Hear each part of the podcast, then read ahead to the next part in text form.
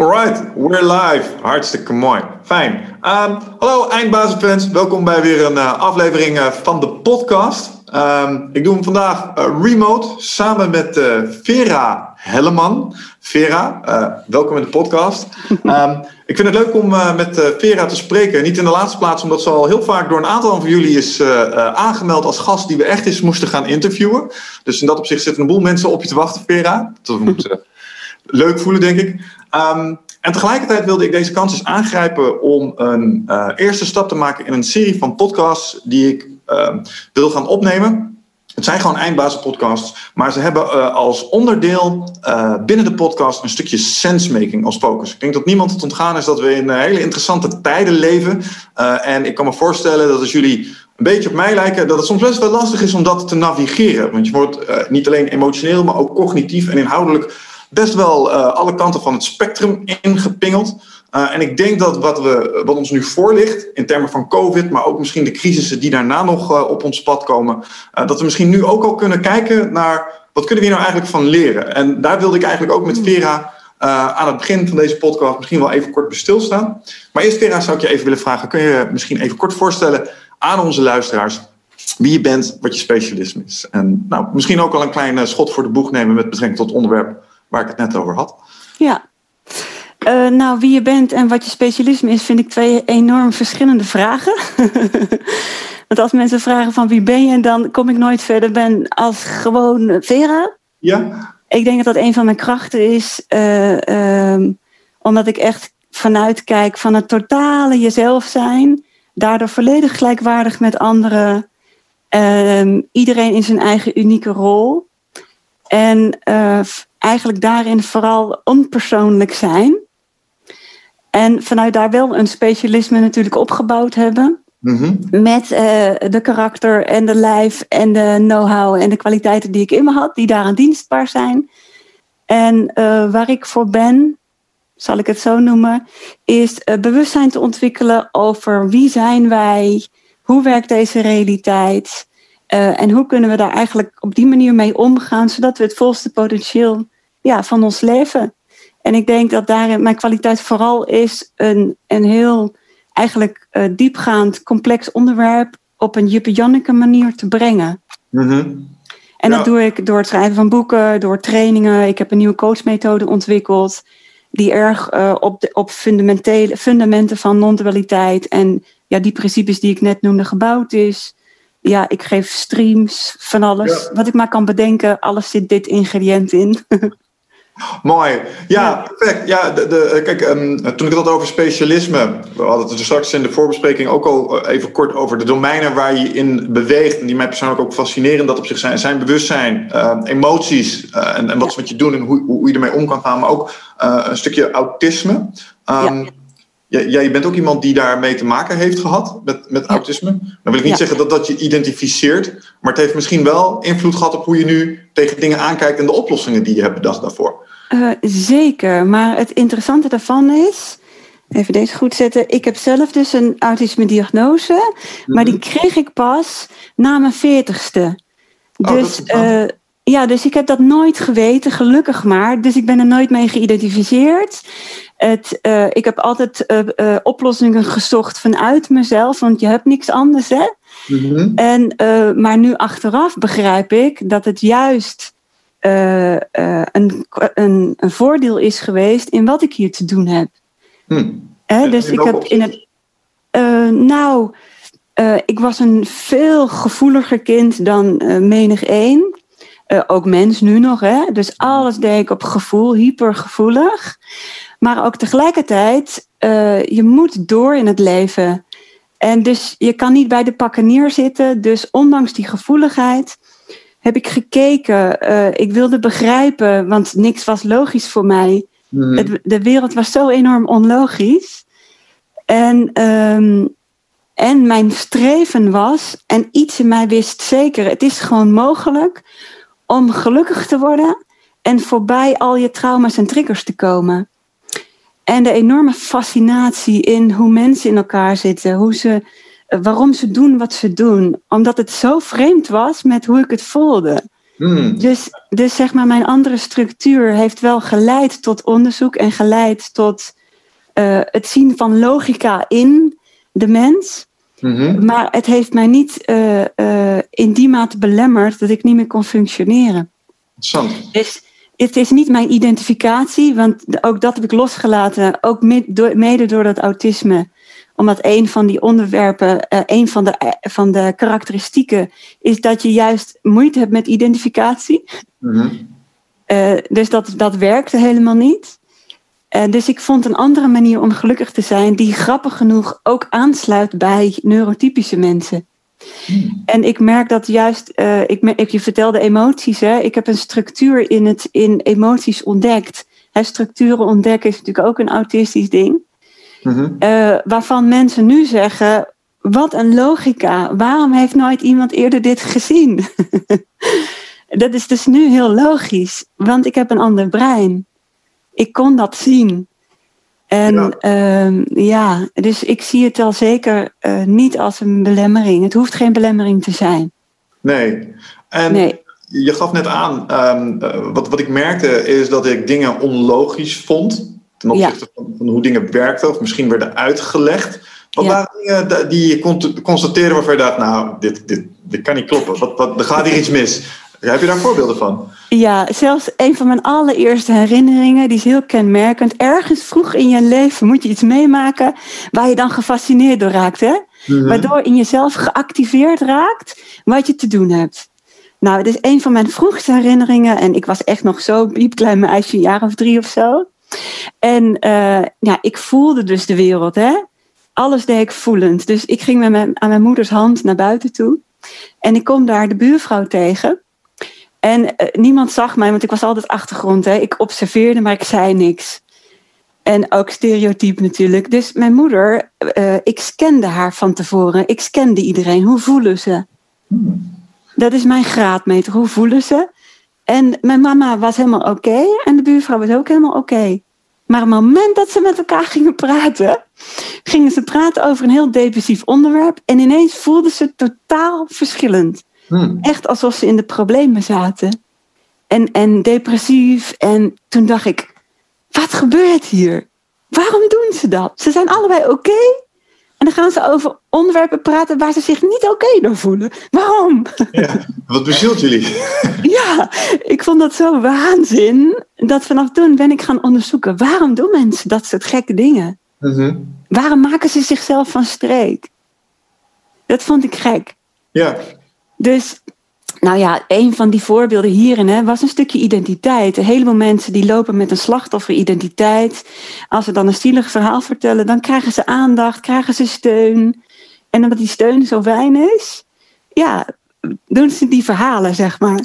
Juist. Even heel simpel uitgelegd. Dat waren een van mijn eh, eh, ja, inzichten daarop. Dus het identificeren met verhalen. Hmm. En dat is, dat is onlogisch.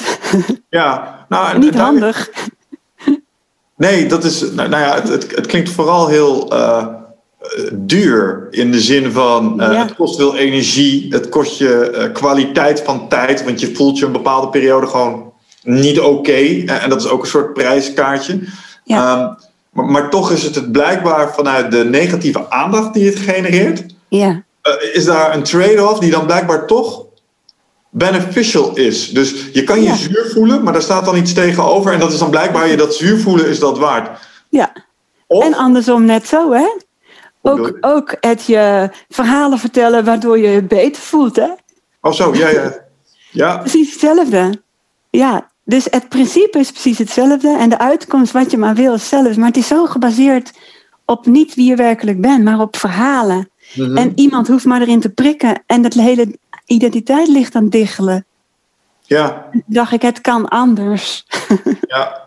Ja, ik heb me wel eens laten vertellen dat mensen in dat opzicht niet meer zijn als, als verzamelingen verhalen.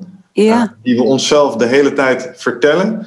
Eh, en, en, en ja, het is misschien wel een beetje waar, want wat doe je als je iemand ziet die je een tijd niet hebt gezien? Eh, dan update je je verhaal bij elkaar. Dit heb ik meegemaakt, dit heb ik geleerd, dit heb ik gezien. ja. En zij doen hetzelfde en dan zijn ze weer gelijkgezet, de horloges of zo. Dus ja, het is interessant. Ja. Hey, is daarmee misschien ook een bruggetje te slaan ehm, naar het stukje sensemaking, waar ik in het begin naar refereerde. Hè? Want als je kijkt naar uh, uh, in een verhaal zitten, nou, ik denk dat de hele wereld gevangen is in een verhaal momenteel. Ja. Um, stukje ik ben heel... stukje verhaal. Ja, nou, ik ben wel heel benieuwd naar hoe je daar, uh, hoe je daar tegenaan kijkt. Dus uh, als, je, als jij kijkt op wat er momenteel gebeurt, niet alleen in Nederland, maar misschien ook in de wereld als het gaat om, om uh, COVID. Ja. Wat zijn dingen um, die we nu niet doorzien, die ons voor de voeten lopen hier? Die we potentieel zouden kunnen ontstijgen, zodat we slimmer in deze situatie kunnen handelen? Ja, ja er zijn zoveel facetten. En uh, wat, ik, belang, wat ik altijd belangrijk vind is uh, trouw te zijn aan waar ik voor ben. Hè? Mm -hmm. Dus ik moet heel even wakker blijven in. Ik heb natuurlijk een stukje persoonlijke mening. Die, er, die eigenlijk er niet toe doet als het gaat om wat ik te brengen heb hierin. Check. Hè, dus wat ik heel erg belangrijk vind naar mensen toe, is dat, ze, dat ze in verbinding blijven met zichzelf. En met zichzelf bedoel ik met, met eigenlijk hun diepere weten. Hè? En, maar het probleem is natuurlijk dat wij voortbewegen en keuzes maken op basis van overtuigingen. Juist. En die zitten eigenlijk tussen dat wat er van binnenuit naar buiten wil stromen en de manier waarop het naar buiten kan stromen. Uh, dus uh, ik noem dat het prisma van creatie, die bestaat uit gedachten, overtuigingen en emoties. Mm -hmm. Dus er komen 60.000 of meer gedachten op een dag. En degene die wij serieus nemen, dat worden de overtuigingen. En de overtuigingen is eigenlijk de bril waardoor wij de wereld bezien. Uh-huh. En ook naar buiten toe uitzenden. Dus onze keuzes op bepalen. En onze emoties, die geven feedback of dat die overtuigingen goed voor ons zijn of niet. Interessant, ja, oké, okay, ja. Dus die wil eigenlijk continu, net als een bloemetje, daar zit een bolletje in de grond. En er komt een levenskracht doorheen, een sapstroom, en die wil naar buiten toe. Dat is eigenlijk een natuurlijke beweging. Hè? Die, wil, die wil eigenlijk continu een expressie van binnen naar buiten. Bij mensen zit daar iets geks. De meeste mensen die functioneren andersom. Ik heb iets nodig van daar, voor mij. Mm-hmm. Voor veiligheid of om geliefd te worden. Ja. Maar een natuurlijke beweging is van binnen naar buiten. Dus mijn doel is die beweging weer terug om te keren naar zoals die bedoeld is. En emoties niet ons vijand te maken, maar juist onze raadgever, mits je ze begrijpt. Dus angst betekent niet altijd vluchten. Angst betekent, ik moet goed kijken of dat dit een reële angst is, of dat ik iets geloofd heb waar ik helemaal niet bang voor hoef te zijn en dat ik mag afwerpen. Hmm. He, dus, en het probleem van nu is, de allereerste uh, de, uh, de, berichten over uh, corona heeft ons allemaal doen schrikken. Dus we zijn allemaal van wat is dat? Wat bedreigt ons? En het lijkt wel alsof er toen een conclusie is gemaakt. Een overtuiging dus. Mm-hmm. Waarop wij eigenlijk nog steeds voortdrijven. Ja. En, zo'n eerste, en die eerste conclusie die, die maak je ook in bijvoorbeeld relaties. Hè? Dus op het moment dat je een nieuwe relatie start, dan worden in die eerste week alle conclusies gemaakt. Onbewuste uh, gebruiksaanwijzingen. En daar blijf je de rest van je, van je relatie blijf je daarop voort. en dat lijkt hier ook het geval. Dus wat er ook allemaal in die media voor gewoon, gewoon uitleg, meer begrip. het lijkt niet binnen te komen, want die eerste conclusie zit er nog. Juist. Ja, ik, als ik dat op mezelf betrek, herken ik dat wel. Want ik mhm. benader uh, de situatie waar we in zitten nu nog steeds emotioneel. Zoals toen ik de eerste beelden zag van ja. die Italiaanse ziekenhuizen die volstroomden. Precies. En ik kan me met name nog een filmpje herinneren dat ik heb gezien. En dat that haunts me till this day. Dat waren, uh, die Italianen zaten allemaal opgesloten in hun huis. En toen begonnen ze door de straat heen te zingen met elkaar. Ja. Een soort gevoel van solidariteit. Dat je dacht van oh my god, what, dit is, ik, ik, het is ergens mooi, maar het is ook haunting. Snap je? Ja. Dat je? Dat je in zo'n situatie zo van het een op het andere moment. En daar dacht ik, oh, dit is echt heel erg. Dit is, ja. hè, de, de, de wereld die, die staat op het punt om echt in te storten. Um, nou, nou bleek dat achteraf mee te vallen. Maar ik snap helemaal wat je zegt. Dat die eerste indruk, die sluimert nog steeds door. Ja, ja. En die maken we dan vervolgens. Het is, het is zo'n enorm bos van vertroebelheid, hè? Dat, dat wij zien door de bomen dat bos niet meer. We hebben dan op een gegeven moment alleen nog maar onze eerste conclusie waar van alles op door geassocieerd wordt. Ja. En wat ik heel uh, eng vind op dit moment, eigenlijk vanuit. Ik heb liefde voor mensen. Hè? Mijn rol ligt op het gebied van mensen. Ik ben geen arts, ik ben geen wetenschapper, ik ben een mensenmens. Dus als ik vanuit daar, vanuit die ogen kijk naar wat er gaande is, wat ik op dit moment heel spannend vind, uh, is wij zijn absoluut niet eenduidig in zoals we erin staan met z'n allen. Mm En dat geeft niet. Maar de meeste mensen vinden het wel erg. Dus je ziet gewoon die twee kampen ontstaan. Je ziet uh, daardoor weer enorme extreme dualiteit ontstaan. Mhm. Uh, de, de, de veroordeling naar elkaar, het, de afgescheidenheid van onszelf, doordat we dat soort dingen weer in ons laten. Hè? Je kunt niet verbonden zijn met, je, met jezelf en tegelijk oordelen. Dat zijn andere lagen van ons mens zijn. Dus het moment dat je je laat trekken naar een laag van oordelen op hoe anderen het doen, raak je afgescheiden van jezelf. En wanneer we afgescheiden raken van onszelf, dan kunnen we niet meer bij de bron die ons gezond houdt. De bron die ons, weet je, voortdrijft in het leven. En dat is voor mijn grootste ja, zorg ligt. Waarom is het zo dat als we naar buiten kijken en we oordelen over wat we zien, dat we het contact ja. met onszelf verliezen, is omdat onze perceptie naar buiten gaat en daar het merendeel van onze aandacht vertoeft op dat moment? Nou ja, het is. Uh, nee, het zijn echt twee lagen. Dus als we in de laag van oordelen zitten, ik noem dat emotiegroep schaamte schuld, ja. die kan alleen maar plaatsvinden vanuit identiteit. Dus een oordeel komt voort uit goed en fout. Mm-hmm. Goed en fout is ons, ons referentiekader van goed en fout. Dat gaat helemaal over identiteit. Waar identificeer ik mee? Wanneer ben ik een goed mens? Wanneer ben ik een fout mens? Mm-hmm. En dus, dus ik heb dat op een gegeven moment, mensen hebben dat bepaald. Ik ben een goed mens als, hè, waardoor ik in die sociale kudde, in die hiërarchie waarop wij mensen hè, leven, ja. uh, daar goed in pas. Alles wat niet bij de overtuigingen past waarop ik mij identificeer, dat is fout. Dus op het moment dat jij iets gaat verkondigen wat niet past bij wat goed is voor mijn identiteit, ben jij dus ook fout. Hè? En die strijd wordt nu geleverd. Het is een identiteitsstrijd. En, ja. en dus met die corona heb je ook nog fundamentele principes te pakken. Dus het is, een, het is zijn overtuigingen op bestaansrechtniveau. Mm-hmm. Dus kom je daaraan, dan maak je mijn bestaan onveilig. Ja, zo primair. En dat is, ja, het is dus een hele fundamentele strijd die wij voeren op overtuiginglaag. Mm-hmm. En wanneer wij op. Je, kunt, je bent of geïdentificeerd met het verhaal, of je bent verbonden met jezelf. En zelf is een, is een laag die voorbij identiteit gaat. Je kunt niet in allebei tegelijk zijn. Hmm. Oké, okay. maar laten we dit proberen praktisch te maken. Want ik herken de dynamiek ja. die je omschrijft volledig. Ja. Als we bijvoorbeeld Wigert en ik hebben recentelijk een keer een hele interessante podcast opgenomen over uh, een beetje conspiratiehoek, maar ook over COVID. En daar hebben we het dus over gesproken. En dan merken Wigert en ik, hij en ik kijken compleet verschillend naar de wereld. Um, ja. En dan merk je in dat gesprek al van, oeh, uh, we kunnen scherp tegenover elkaar staan. En wij zijn goede vrienden van elkaar, dus wij zijn lief voor elkaar. Maar stel je voor dat het een compleet andere persoon was geweest, dan was ik waarschijnlijk veel harder tegen die persoon geweest. Ja. Uh, had ik je misschien dom gevonden? Had ik misschien uh, gevonden dat, dat ik mijn wil moest gaan opleggen aan je? Um, omdat je toch niet in staat bent om de juiste keuze te maken, blijkbaar, vanuit een stukje arrogantie. Dus daar herken ik dat. en die neiging die heb ik onmiskenbaar de laatste tijd. Als ik nou terug wil naar mezelf, ja. Hoe maak ik dan die transitie terug naar die staat van zijn? Hoe doe ik dat? Ja, daar ga ik een uitdagende uh, truc voor geven. Oké. Okay. En dat een hele mooie truc zou zijn, uh, manier, laat ik een manier uh, noemen, is al die mensen waarop jij oordeelt, mm -hmm.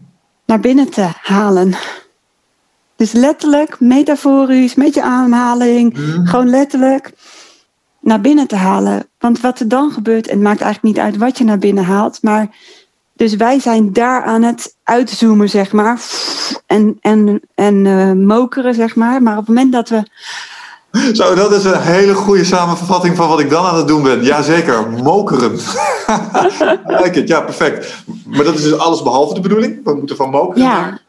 Ja, dus weer naar binnen. En dat is iets wat wij, waar wij al jaren eigenlijk door de snelle samenleving, de 24 maatschappij, alles wat maar gehaast moet, zijn we maar blijven focus, focus, focus. Dus dit is nog verder weg. Dus we moeten weer terug naar binnen toe. dus eigenlijk de hele wereld in jou, wat eigenlijk feitelijk zo is ook, naar binnen halen. En dan merk je dat het stil wordt en dat je alleen maar kan ontspannen in een stukje ja, zelf. En dat terug ontspannen in je eigen water. Ik noem maar allemaal maar metaforen voor wie het mhm. aanslaat. Hè? Terug naar binnen, daar waar het stil is, dat is mensen hun grootste angst. het is nog beter om daar een angst te hebben dan om hier. En toch, op het moment dat je dat durft en door echt, zeg maar, door dat laatste, oh dat is spannend, weet je, het gaat maar om dat je één seconde even voelt hoe het is, om weer totaal weer terug in verbinding te gaan met jezelf. Want je merkt dat daarna, na die ontspanning, maakt eigenlijk de buitenwereld helemaal niet meer uit. Hmm. En dan heb je weer volledig alle keuzevrijheid om welke kant ook op te gaan. Ja. In feite is die buitenwereld een projectie van ons. Dus het maakt echt niet uit welke kant we opgaan vanuit het grotere bezien. Het is, als je het logisch bekijkt, wiskundig logisch, natuurwetmatig logisch, dan zal er in de buitenwereld fysiek worden wat wij met z'n allen als collectief uitzenden. En op dit moment zijn wij niet onduidig, eenduidig in wat wij uitzenden, dus krijgen we een enorme chaos. Mm En als we die eenduidigheid terug zouden willen krijgen, zou het dus van belang zijn dat alle individuele elementen van die beweging, die vortex die nu is ontstaan, exact. even terug in zichzelf keren, naar, dat, naar die innerlijke rust toe. En, en vanuit en daar opnieuw projecteren. Ja, want in, die, in dat moment van ontspanning gaat de verkramping er waarschijnlijk uit. En kunnen we misschien met een nieuw perspectief voorwaarts. En, en als we dat met z'n allen collectief zouden doen, zouden er al een heleboel frictie, uh, bijbehorende effecten zouden verdwijnen. Ja. Je geeft alleen aan dat, dat teruggaan in jezelf, daarin zit een confrontatie met voor de meeste mensen hun grootste angst. Ja. Waar zijn we bang voor? Ze zijn bang om de identiteit te verliezen. Want op een moment namelijk, misschien kun je het je wel eens voorstellen dat je ergens binnenkomt in een vol restaurant mhm. en je struikelt. Het hele restaurant kijkt naar jou. Ja, dat is niet leuk. nee, en dan het schaamrood, bibberen, gelijk om je heen kijken, hebben ze me gezien? Ja, ja.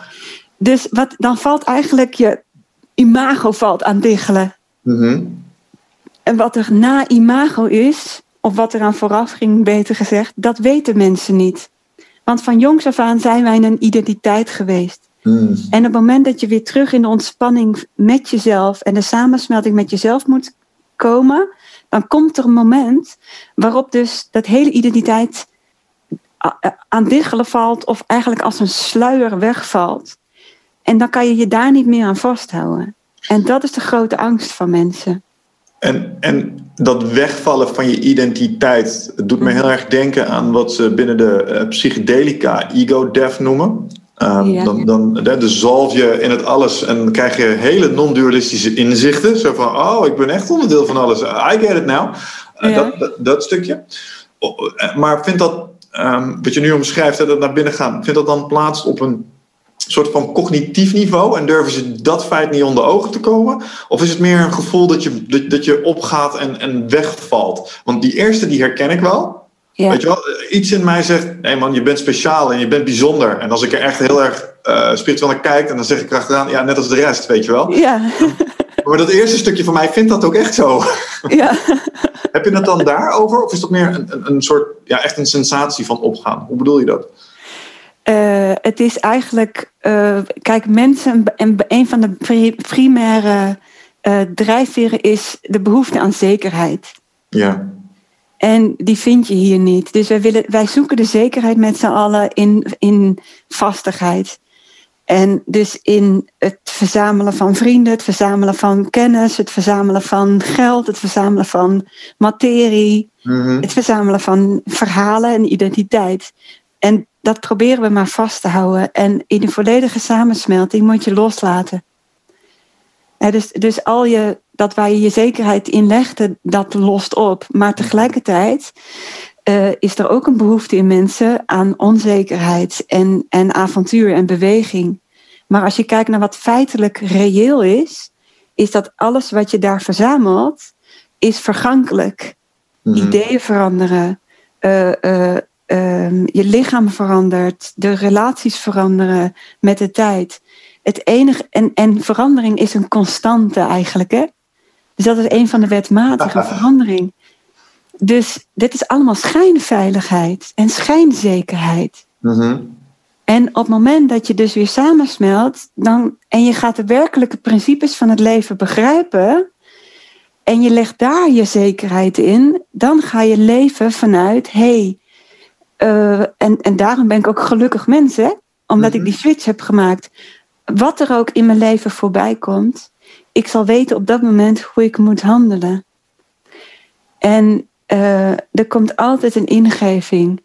En, uh, en die hele wereld is in mij. En ik ga nu los in, in voorbeelden, maar. Nee, het is oké. Okay. Um, ehm, het is een ander soort veiligheid, mm -hmm. maar veel consistenter. Mm. Omdat die gebaseerd is op iets wat consistent is te midden van dat wat allemaal verandert. Ja. Om dat te kunnen doen, um, doe je volgens mij iets, iets heel knaps. Um, of tenminste iets waar, waar, ik mee, waar ik persoonlijk mee worstel, misschien anderen ook. Is, mhm. Kijk, wat ik wil zeggen, hè, die veiligheid. Uh, als ik dat aanhaal, ik, ik, herken hem. Uh, je hebt behoefte aan een bepaalde stabiliteit. Als ik denk, waar komt dat dan vandaan in mijn psyche? Dan kom ik in evolutionaire psychologie uit. Uh, gewoon biologie die mij signalen geeft en in, ingevingen geeft om mm-hmm. een bepaalde mate van stabiliteit om mijn overleving eigenlijk een beetje veilig te stellen. En dat daar onderdelen van veranderen over de loop der tijd vinden we niet erg. Als maar ten alle tijde een aantal dingen enigszins stabiel zijn, zodat we ergens op kunnen leunen. Daar ken ik ja. uit. en, en, mm-hmm. vanuit die primaire instructies hecht ik daaraan en ben ik heel, ben ik heel erg blij als dat er is. Snap je? Dan, dan ga ik aan. En als het er niet is, dan motiveert mij dat. Dan voel ik een ongemak. En dan motiveert mij dat om aan de slag te gaan om het weer te verkrijgen. En ik denk dat als je door deze, deze maatschappij heen wil navigeren, dat dat een hele goede eigenschap is. Maar wat ik jou eigenlijk hoor zeggen, is dat de waarde die je daaraan hecht, die is eigenlijk nul. Als je reëel kijkt. Hè? Het is allemaal vergankelijk. Uh, het is een soort van zelf toegekende waarde. Uh, en en om dat los te laten, zoals je zei, als je die verandering los leert laten, moet je een sprongetje maken naar een ander niveau. Um, en, en, en, daar komen dan ook op de mooiste of op de moeilijkste momenten komen dan blijkbaar ingevingen vandaan. Mhm. Ja. Dat wat hogere niveau. Um, dit klinkt een beetje. Het is wel grappig eigenlijk dat je dat zegt, want ik zou hem een lager niveau noemen. Oh, interessant. Waarom? Ja, uh, kijk, jij, jij tilt hem omhoog en je hebt het over ingevingen. Dus non-verbaal trek je hem hier naartoe. Ah. Terwijl ik hem non-verbaal hier naartoe trek. Ik ja. komen hier ingevingen vandaan. Ja, oké. Ik denk dat ik dat. Ik vind het interessant. De Als ik hem zo probeer te beantwoorden, denk ik omdat ik denk dat die antwoorden komen uit een uh, wat ze dan noemen higher self. Dus vandaar mm de, higher self zou hier moeten zitten volgens mij en niet in je buik. Maar als je erover nadenkt, komt dat gevoel inderdaad vaak tot stand in mijn, in mijn buik. Ja. Ik heb wel eens een keer gehoord van, joh, in je hart weet je wat je wil. Uh, en in je buik voel je of, of het klopt. En via je hoofd bedenken hoe je er komen moet. Beetje dat idee. Het is een soort ja. check. Maar je hebt gelijk, hij komt van beneden. Ja. Maar lower self klinkt niet zo glorieus, eerlijk nee, Nee, nee, dat is beter, best meer. Hè? Dus ja, dat is ook weer... Ja. Die cognitieve benadering. Kijk, wat ik in je verhaal interessant vind, zeker. Wij hebben allemaal een instinctief uh, uh, systeem dat uh, in, in werking treedt op het moment dat wij in gevaar zijn. Mm Wij zijn gewoon dieren. Ja. Ja. dus dat instinctieve niveau is natuurlijk belangrijk. Op het moment dat wij aangevallen worden door een tijger, uh, dan moet je vechten, vluchten of doen of je dood bent om je lichaam te redden. Ja. dus wij zullen hoe dan ook vechten tegen de dood, tegen de fysieke dood. Ja. Maar uh, op het moment dat je bijvoorbeeld uh, uh, moe ben, overmatig moe ben, dan, dan moet je lichaam slapen. Op het moment dat je dorst hebt, moet je drinken. Op moment dat je benauwd hebt, dan wil je zuurstof hebben. Dat zijn allemaal instinctieve reacties op gezond willen blijven en willen overleven.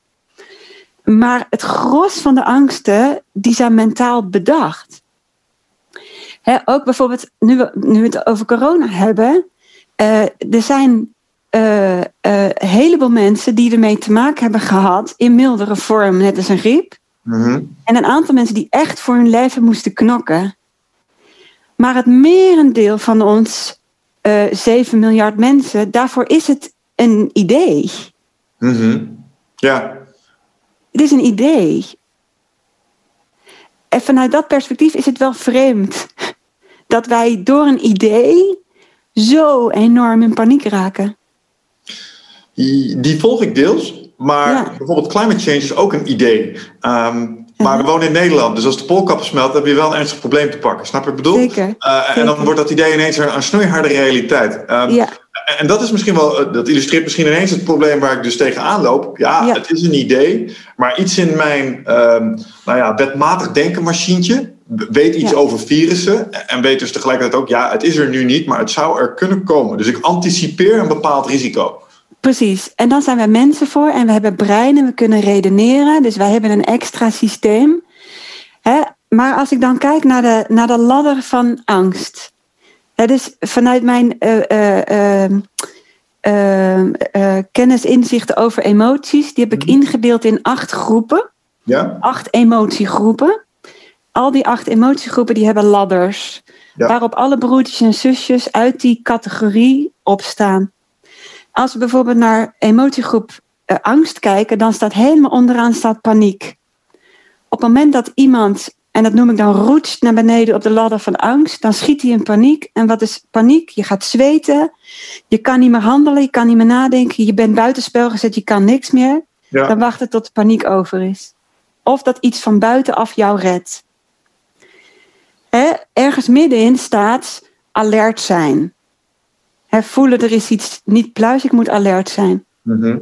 Helemaal bovenaan de ladder van angst staat eh, verantwoordelijkheid, eh, eh, verstandig, Hmm. redeneren. Hè, dus zonder, dat is de andere kant. Dus iedere keer op het moment dat jij het stokje oppakt van in dit geval het thema wat er aanhangt is, er is een bedreiging in de buitenwereld, kan ik dat stopje, stokje oppakken vanuit eh, met verantwoordelijkheid beredeneren of vanuit paniek. Ah, ja, ja, ja. dus de vraag is, waar ga jij op het stokje zitten? En dan vind ik inderdaad vanuit goed onderzoeken, verstandig zijn, waar hebben we mee te maken? En vanuit daar handelen, helemaal oké. Maar het is niet gezond, voor onze gezondheid ook niet. Niet emotioneel, maar ook niet fysiek. Ik bedoel, artsen geven al toe dat stress doodsoorzaak nummer één is Ja, op het moment dat wij ons door onze geest laten in de greep nemen en naar beneden op die ladder roetsen en vanuit paniek gaan handelen. Want als we vanuit paniek gaan handelen, zijn wij katten die in het nauw springen en verkeerde Ja. keuzes maken. Ja. En dat vraagt van ons beheersing op onze geest. En daarmee dus, en emoties zijn er in een feedbackmechanisme. Dus daar moeten wij kijken. In hoeverre heb ik mij in de greep van mijn geest laten nemen? Dus dat is een hele belangrijke. Sorry. Nee, dus, dus als je hem benadert vanuit, wederom vanuit het perspectief sensemaking. Als we nou kijken naar het vaarwater waar we in zitten en we zien het gedrag bij onszelf en bij anderen op een bepaalde manier, zou je je dus om het beter te doen mogen afvragen vanaf welke kant je een bepaald feit of een bepaald eh, iets wat gebeurd is benadert. Kom je vanuit de paniekkant of kom je Ja. vanuit de verantwoordelijkheidkant? Ja, Um, en als je dat zo zegt, en ik kijk naar de meest. um, de, de- de- als ik kijk naar bijvoorbeeld. um, ik vind het interessant, hè? LinkedIn is normaal een heel zakelijk platform. Ik zie zelfs op LinkedIn zie ik inhoudelijke discussies over dit fenomeen plaatsvinden. Hè? En ze zijn heel polariserend. Ze staan aan uiteinden van een spectrum. ja, Um, en, het is dus interessant om, om je af te vragen vanuit, vanuit welke kant kom je. Want, want zowel als je voor de maatregelen bent of je bent tegen maatregelen, het is allemaal vanuit een paniek. Oh jee, ze komen aan mijn vrijheid. Of oh jee, jij zorgt ervoor dat ik doodga. Um, terwijl ik denk dat als we hem vanaf de andere kant zouden benaderen, en ik ben hier even, even goed debet aan, laten we dat vooropstellen. Um, dan zou er een veel gematigdere respons. Dan zouden die mensen waarschijnlijk andere dingen tikken. Uh, waardoor ze ook minder zouden botsen. En dus, want, want naast, ik, ik doe niet mee aan comments. Dat heb ik al heel lang niet meer gedaan. Ik heb vroeger op een forum uh, gezeten, tientallen jaren geleden, over vechtsport. Maar dat deed ik het wel. En ik weet dat, dat wat je dan, het, het kleurtje dag. Je neemt het mee. Dan kun je zeggen, ja, het zijn maar woorden op het internet. Maar als jij hebt lopen bakkeleien uh, in je LinkedIn comments op een hele scherpe manier, dan, dan doet dat iets met je. Um, ja. en, en, als je hem zou hebben benaderd vanuit die andere kant, zoals jij net schetst, ja. denk ik dat, dat je eigen reactie minder scherp zou zijn. En de respons daarop dus ook. Uh, en het mhm. effect wat het op je zou hebben. Dus idem dito. En veel effectievere uh, reacties. Hè? Want we hebben het nu alleen maar over angst, maar er zijn nog acht emotiegroepen. Mm-hmm. En al die emotiegroepen die staan ook weer symbool voor bepaalde levensthema's. Ja, dus al die acht emotiegroepen en de thema's daarvan, dat is eigenlijk het complete overzicht van hoe de realiteit werkt en hoe wij daarin ons bewegen. Dus we hebben nu angst, maar we hebben ook schuld, schaamte. Gaan wij oordelen en wraak nemen op anderen en gaan wij rellen daarin uit, uh, uitlokken? Ja. Of gaan wij helemaal boven aan de ladder vanuit acceptatie naar elkaar kijken? Hè? Boosheid. Gaan we vanuit agressie? Of gaan we vanuit kracht en daadkracht en passie? Voor wat wij wel voor wereld willen. Hmm. Hè? Waarom komen er virussen? Hè? Wat betekent dat voor hoe we nu met de maatschappij omgaan en met de wereld? Hoe kunnen we daar een verandering brengen? Hoe willen wij hem? In plaats van vechten tegen, waar willen we voor vechten met z'n allen? Mhm. Vanuit passie ook de afscheiding die we creëren, emotiegroep liefde. Gaan we helemaal in de eenzaamheid toelaten, de eenzaamheid, de, het gemis? Of gaan we in verbinding blijven en vanuit de dankbaarheid en de liefde naar elkaar handelen? Op heleboel verschillende facetten handelen wij nu allemaal helemaal primair vanuit ons kleinmenselijk deel. Juist. Nou, dan denk ik dat het verstandig is om, om een aantal van die ladders die je zojuist benoemd, die relevant zijn in deze specifieke casus, waarvan we voorbeelden kunnen zien, uh, ze misschien gewoon even te expliciteren. Want uh, bijvoorbeeld als je het hebt over uh, paniek, schaamte, um, of wat was het, schuldschaamte. Um, ja. Iets wat ik nou, ik weet niet, misschien mis ik iets. Maar iets wat ik voor de eerste keer in mijn leven in Nederland heb gezien. Is uh, dat Kamerleden eigenlijk niet meer helemaal veilig richting uh, de Tweede Kamer kunnen lopen. Omdat er nu demonstranten zijn die met fysiek geweld beginnen te dreigen. Maken ja. ze uit voor satanisten. Uh, zeggen, hé, hey, wacht maar, weet je wel, landsverrader. We krijgen je nog wel. Weet je wel, dus. en, en ik heb dat nog niet eerder waargenomen, tenminste niet op die manier. Ja. en, en, mensen zitten dus heel erg in dat, um, ja, inderdaad, dat, dat, dat polariserende. Maar als je daarnaar kijkt en je betrekt dat eh, op die eh, emotionele ladder. Wat moeten mensen die, die, die dat nu bij zichzelf constateren van nou, ik, dus misschien sta je wel niet voor de Tweede Kamer, misschien denk je wel een beetje zo. Wat is nu het juiste perspectief om te pakken als je, als je die stroom bij jezelf constateert? Als ik kijk puur op de laag van schuld-schaamte, dan gaat het over goed en fout. He, dus dat betekent, ik wil iemand zijn en dit heb ik bedacht dat, dat een goed mens is of het goed is om te doen en voor het leven. Alles wat er buiten is, vind ik fout. Maar stel je voor dat er van binnenuit door jou heen iets geleefd wil worden wat zich bevindt hier. Dan kom je in conflict met jezelf. Dat gaat de buitenwereld ons spiegelen.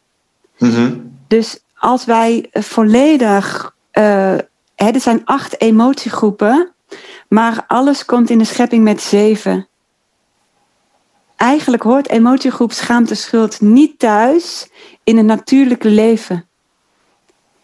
Echt weer vanuit je potentie zoals het bedoeld is. Daar mhm. hoort niet het oordelen op de buitenwereld. Waarom niet? Omdat buitenwereld is binnenwereld. Tot alles wat wij oordelen op de buitenwereld, oordelen we ook naar binnen toe. dus, dus waar wij nou, nou, naar zouden kunnen kijken, is wat precies vinden wij fout aan de buitenwereld?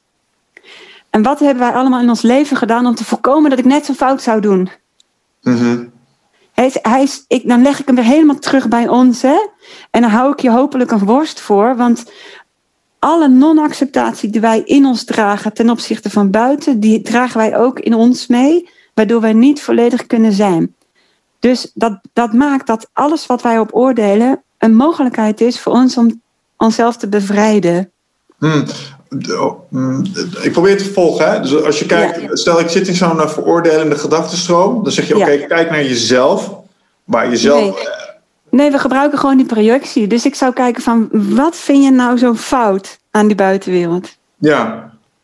Hè, bijvoorbeeld, hè, Marieke, bijvoorbeeld iemand zei tegen mij: uh, ik, ik kan er zo boos om worden en oordelen dat een ander niet dat mondkapje draagt. Ja, mooi voorbeeld nu. Ja? En het mondkapje is dan het scenario waarover het gaat, maar wat vind je daar precies zo fout aan? En dan stel je voor, je krijgt een antwoord als: Wij moeten ons toch allemaal opofferen om. Dus voor deze persoon, die waarschijnlijk zal het opofferen voor het totaal een belangrijke drijfveer zijn geweest nu en in het hele leven. Maar ook een belangrijke beperking. Mm -hmm. Oké, ja, ja. Als je kijkt naar de, naar de ontwikkeling in de mensheid, is het juist het groepsdenken um, een vrij uh, lage vorm van ontwikkeling. Het gemeenschapsdenken. En wanneer wij allemaal zouden leven, net als dat bloemetje waarvoor wij hier op aarde zijn, en iedereen zou zijn rol volle 100% nemen en daardoor het geheel van wat nodig is vervullen, dan leven wij niet vanuit dat wij denken dat iedereen nodig heeft. Dan leven wij vanuit een innerlijke drive, zonder oordeel. Gewoon dat je voelt, dit is wat ik moet doen. Dus een belemmerende overtuiging voor deze persoon is, dit kan ik nooit doen, want ik moet eerst belangrijk wat voor iedereen goed is. Ik trek hem niet persoonlijk, omdat we ook uh, eigenlijk die individualiteit en dat weer als kern moeten nemen, juist om een gezond collectief te worden. Het gros van de mensen gaat gebukt en komt nooit tot een volledig leven van waar die voor is, mm-hmm. omdat we vastzitten in: ik moet doen wat voor een ander goed is, anders val ik buiten de boot. Dat zie je nu ook, hè? De, de, de, in de supermarkt bijvoorbeeld. Je wordt echt, echt, echt boos aangekeken als je geen mondkapje draagt, bijvoorbeeld. Klopt, ja. Dus we houden allemaal rekening met mensen die bang zijn. Uh, of je kan het ook zo, de, de, de, je bent niet verantwoordelijk. Het is maar hoe je het bekijkt, hè? Ja.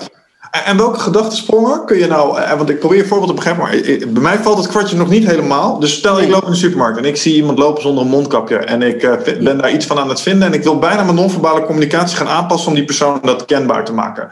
Ja. Nou, dan denk ik, dan, dan zit ik dus vanuit de oordeel te denken, dat, dat wil ik niet. Maar je, je legt me net uit dat ik dat dan doe, ja. um, omdat ik eigenlijk iets in mezelf heb zitten waar ik aan probeer te ontsnappen. Nou, wat jou belemmert om volledig vrij te zijn. Jou belemmert om volledig te leven waarvoor je leeft. Hmm. Dat spiegelen emoties uit, uit schaamte schuld. Dus oordelen die geven ons aan, er zit een non-acceptatie op ons, die wij gaan projecteren in de buitenwereld. Die ons nu gespiegeld worden, omdat die nu ergens ons belemmert om te volgen wat belangrijk is, van binnenuit wordt aangegeven. En we willen die fundamenteel bekijken. Niet, hij draagt geen mondkapje, dat is fout. Nee, maar wat is daar fout aan voor jou? Ja, en dan is, dan is de lering die je eruit kunt trekken, is als dat wat, wat daarvoor waar is, hoe zou dat potentieel dan op andere plekken in je leven jou kunnen hebben beperkt? Ja. Wat heb je er allemaal voor gedaan en gelaten om je te conformeren aan dat je nooit dat gaat doen waar je zo'n hekel aan hebt? Grappig, dat is een redelijk tegenintuïtieve stap die je dan moet maken eigenlijk. Nee, het is een tegenrationele stap. Mm, ja, ja oké. Ja, ja. Want vanuit de logica zou je denken: ja, maar wacht eens even. Ik, ik heb iets, ik voel iets. Uh, ik wil graag dat het zo is. En dan moet ik eigenlijk de tegenovergestelde beweging gaan maken. Ja, maar, maar de, de vraag is: welke emotie voel je? We hebben het nu over oordelen. Dat is, geen, dat is een reactie op een oordeel. Dus wat je voelt, een emotie in basis, is een, is, geeft feedback op een overtuiging. Juist. Dus je puur door emoties laten, laten sturen, betekent dat je puur door al je overtuigingen, hoe conflicterend ze ook zijn in jou, dat je daardoor laat sturen. Onbewust. 95% is onbewust. Wat ik probeer te brengen aan de wereld is, elke emotie mag voor ons een rinkelbelletje worden om wakker te worden en bewust te worden van welke onbewuste overtuiging ons nu in de greep heeft. En daarna te gaan kijken. Nou volg ik je, juist. En daar kunnen mensen op dit moment, dus op het moment dat je een bepaalde uh, zo'n zo uh, een emotie en dus een overtuiging waarneemt, mag je afvragen: oké, maar hoe kleurt dit nu mijn perceptie? En mhm. daarmee dus ook vraagtekens zetten of de daadwerkelijke gevolg dat je eraan wou geven wel helemaal de juiste was. Weet je, we spelen allemaal ons eigen spel. Er is maar één film en dat is jouw film. Ja, dat Jij bent de hoofdrolspeler in jouw film. Dus vanuit het grotere geheel maakt het echt geen fluit uit of je links of rechts gaat. Of dat je nou op de vuist gaat of niet. En wat dan jouw droomscenario gaat worden. ja, Maar, nou, maar nou, onze, ja. emotie, onze emoties geven feedback op hoe wij met onze bril de wereld zien. En dus ook aantrekken. Ja, Dus het gaat om ons aller geluk. Ja. Het gaat om jouw eigen geluk. ja, en daar heb je zelf de regie op. Is, is Totaal. Ja, Totaal. En wat je nu in de maatschappij ziet, wij zijn volledig verwijderd al jaren vanuit die bron en het echt zien hoe het zit.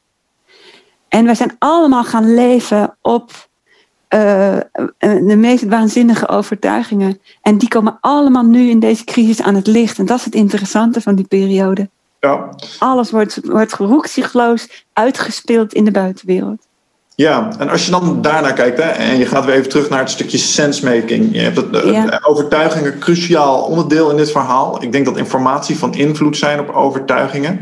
Mhm. Ehm, wat adviseer je om, eh, om, om gezonde overtuigingen te houden in deze periode? Als ik naar mezelf kijk, eh, bespeur ik een neiging om ehm, nou, overal even te snuffelen wat ze in het spectrum ervan vinden. Kijk even op de NOS, kijk even bij de Boys van Geenstel, kijk even bij Maurice de Hond, kijk even wat er internationaal gebeurt. Ehm, zo- het is vaak allemaal eh, heel erg eh, sensationalistisch, speelt in op een stukje angst. Sommige weer niet, die, die lijken het weer een beetje weg te poetsen, of in ieder geval niet, niet zo zwaar neer te zetten. Mhm. Ehm, maar, maar het, het doet wel iets met je. En Ja. vooral toen ik heel eenzijdig informatie aan het binnentanken was, toen merkte ik dat ik, dat, dat echt een hele sterke invloed had. Hoe kijk jij daarnaar? Eh, moet je juist proactief je informatievergaring eh, diversificeren? Of moet je juist stoppen met informatie vergaren? Wat sommige mensen ook zeggen, hè? informatiedieet, hou er maar mee op. Hoe kijk je daar tegenaan? Dat is afhankelijk vanuit, van, eh, van welke emoties bij jou prioriteit hebben. Oké. Op het moment dat jij volledig in emotiegroep angst zit, dan zeg ik: doe het nieuws maar even uit. Hè, kom maar, ga maar even, even tot rust komen. Ja, Maar op het moment dat jij emotiegroep verbazing zit, dan zou ik zeggen: ja, ga onderzoeken, want kennelijk heb je het nog niet op een rij. Hmm. Dus dat is echt afhankelijk van hoe jij je voelt. Interessant dat je verbazing nu noemt. Ervaar Ja. jij verbazing in deze periode zelf? Ja, ik ook wel een beetje. Ja, zeker. Hoe dan? Ja, hoe zit het? En ook verbijstering Ja, ja. van alles. Interessant. Ehm, Oké, en, en, en dan nog. ehm, eh, en, en dan kunnen we wat mij betreft het, het stukje sensemaking eh, eh, laten voor wat het is. Maar als je nu, nu kijkt naar de huidige situatie en, en je zou één ding daar mogen toevoegen of nog een keer aanvullend benadrukken, waarvan jij denkt, nou als we ons hier nou op zouden richten hè, en we zouden dit allemaal gaan doen nu, dan zou de wereld er echt binnen no time aanzienlijk anders uitzien. Nou, binnen no time, dat, dat weet ik niet. Maar Maar laten we het zo zeggen, dan kunnen we met z'n allen echt een effect realiseren. ja, ja. Ja, ik, dan kom ik toch uit bij bewustzijn. En het is iets anders dan kennis, hè? ja. Dus dat is echt wakker worden voor hoe dingen werken. eh, op op eh, mensniveau en op creatieniveau. En, en daarna, pas daarna, altijd zelf blijven nadenken, zelf blijven voelen. ja. Oké. Maar niet daarvoor, want als je vanuit identiteit nog steeds kijkt en je gaat dan zelf nadenken, voelen, dan schiet je het nog zoals we het nu doen. Mhm. Dus er moet bewustzijn tussen. Van wat zijn überhaupt overtuigingen? Overtuigingen zijn gedachten die in wezen helemaal blanco zijn totdat ik er waarheid aan ontleen. Dus in principe is niks van wat ik geloof is echt waar. En dat wat ik veroordeel, wat een ander waar vindt, dat is toch eigenlijk heel hypocriet. En egoïstisch. Vind je niet dat daar een spectrum in dingen in zit? Bijvoorbeeld, ehm, eh, er zijn be- bepaalde dingen, eh, nou daar kunnen we dan inmiddels kunnen we het er wel over eens zijn met elkaar. Snap je? Als het gaat om, om overtuigingen. Ehm, bijvoorbeeld als we dingen omhoog gooien, vallen ze over het algemeen weer naar beneden. Weet je, dat, dat zijn bijna wetmatigheden. Ik denk dat overtuigingen, eh, een van de kenmerken die het heeft, is dat er ook nog een, een factor onzekerheid in zou moeten zitten. Het is niet binair, snap je? Sommige dingen zijn heel binair. Maar overtuigingen lijken iets meer op een, een gradient te zitten. Nou ja, weet je, als ik het helemaal uit zou trekken, hè, de, overtuiging, dit is een vloer, dit is een bank. eh, eh, dat is een collectieve overtuiging eh, zonder emotionele lading. Ja, En, maar het is wel een overtuiging. En misschien wel een basale overtuiging waarop de realiteit is gebaseerd. Stel je voor, Matrix, hè? Mhm. Stel je voor dat dit ook maar een overtuiging is. Dat is bestaanszekerheid. Als die vroeger niet solide is, zak ik er doorheen. Ja. Dan kijk, we kijken hem heel non-duaal, hè? En dus zolang wij niet volledig non-duaal leven wij gewoon in een driedimensionale werkelijkheid, waar inderdaad een realiteit is van een virus wat nu heerst. De mate van de, de gevaar, ja, daar kunnen we over discussiëren. Ja. Oké, laten we het eens hebben over bewustzijn dan. Want ik hoorde je daar straks ook een aantal dingen zeggen waar ik graag uh, nog even op, op wilde ingaan.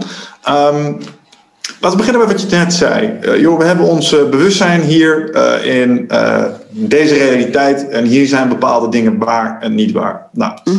vanuit onze podcast hebben we ook een paar psychonautische avonturen mogen ervaren.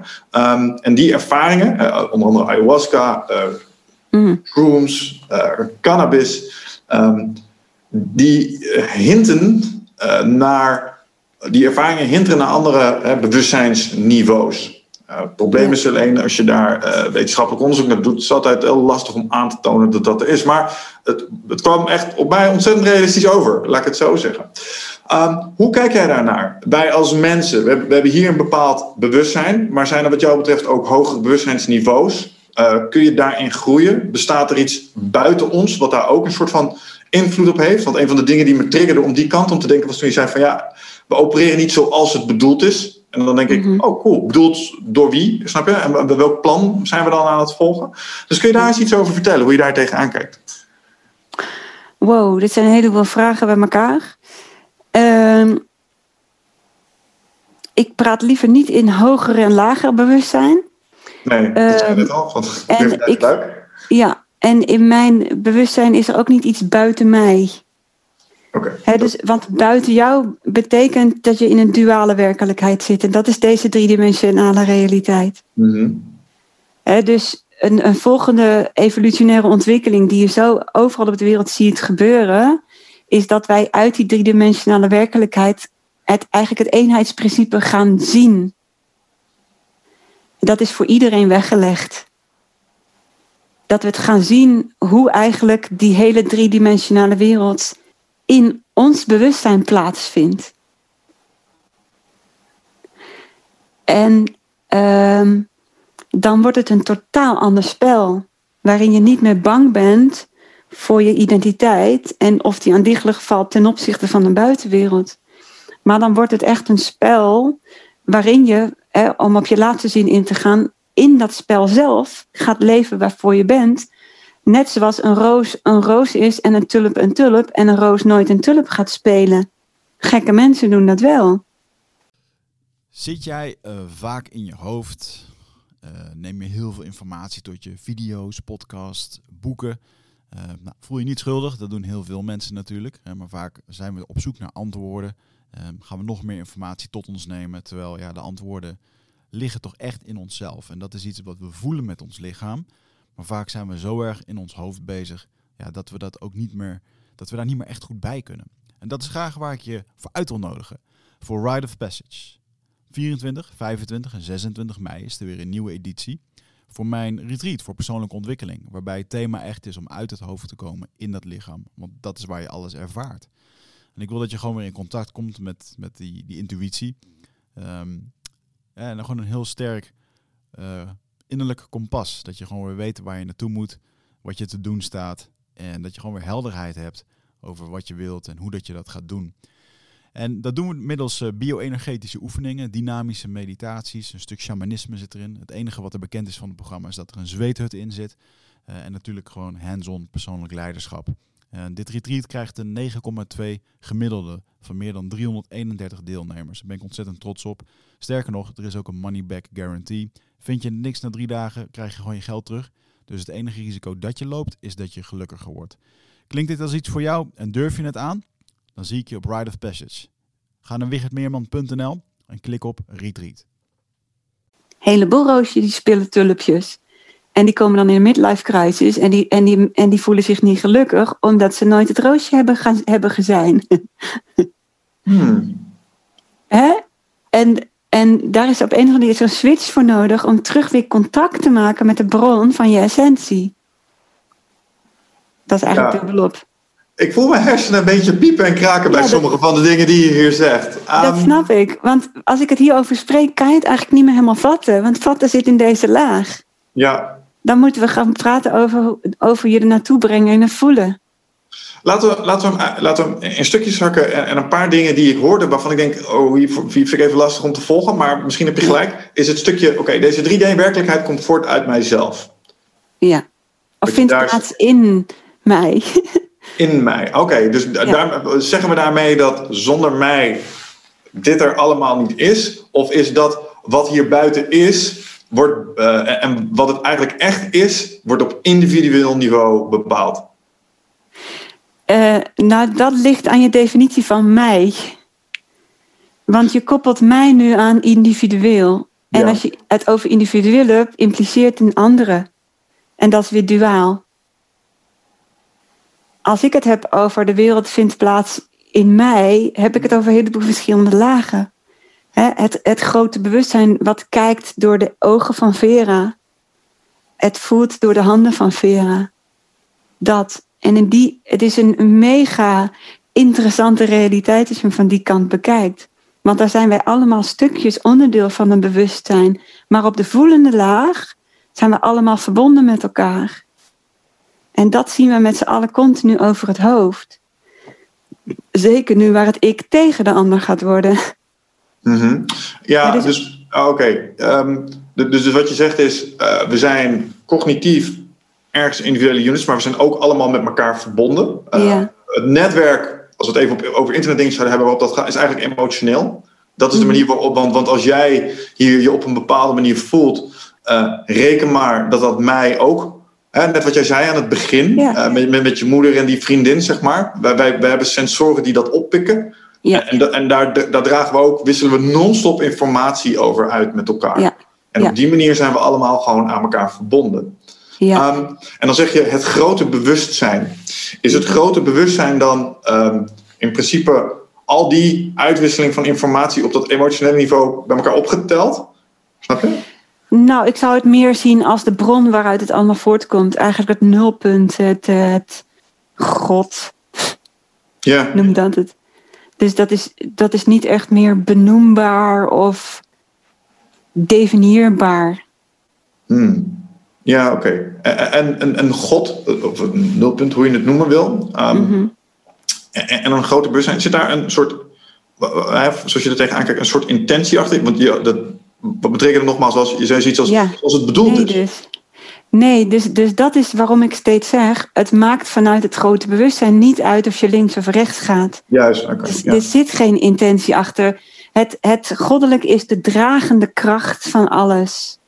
Het is niet een man met een lange baard die oordeelt. Oordelen kunnen alleen mensen. Mhm. Het is die dragende kracht die zorgt dat het bloemetje, eh, ja, een, eh, hoe noem je dat? Bes- bestaat. Ja, ja. Levensbron, En bron zelf. mooi dat je het bloemetje ook noemt. Zijn, zijn we wat dat betreft, bij- zijn wij mensen maar een onderdeel van een nog groter bewustzijn in dat opzicht? Dus moeder natuur. Tuurlijk, tuurlijk. Maar wij zijn super arrogant daarin, hè? Ja? Ja. ja, daarin. Ik vind het zo mooi. Ik geloof dat Mahatma Gandhi dat zei, hè?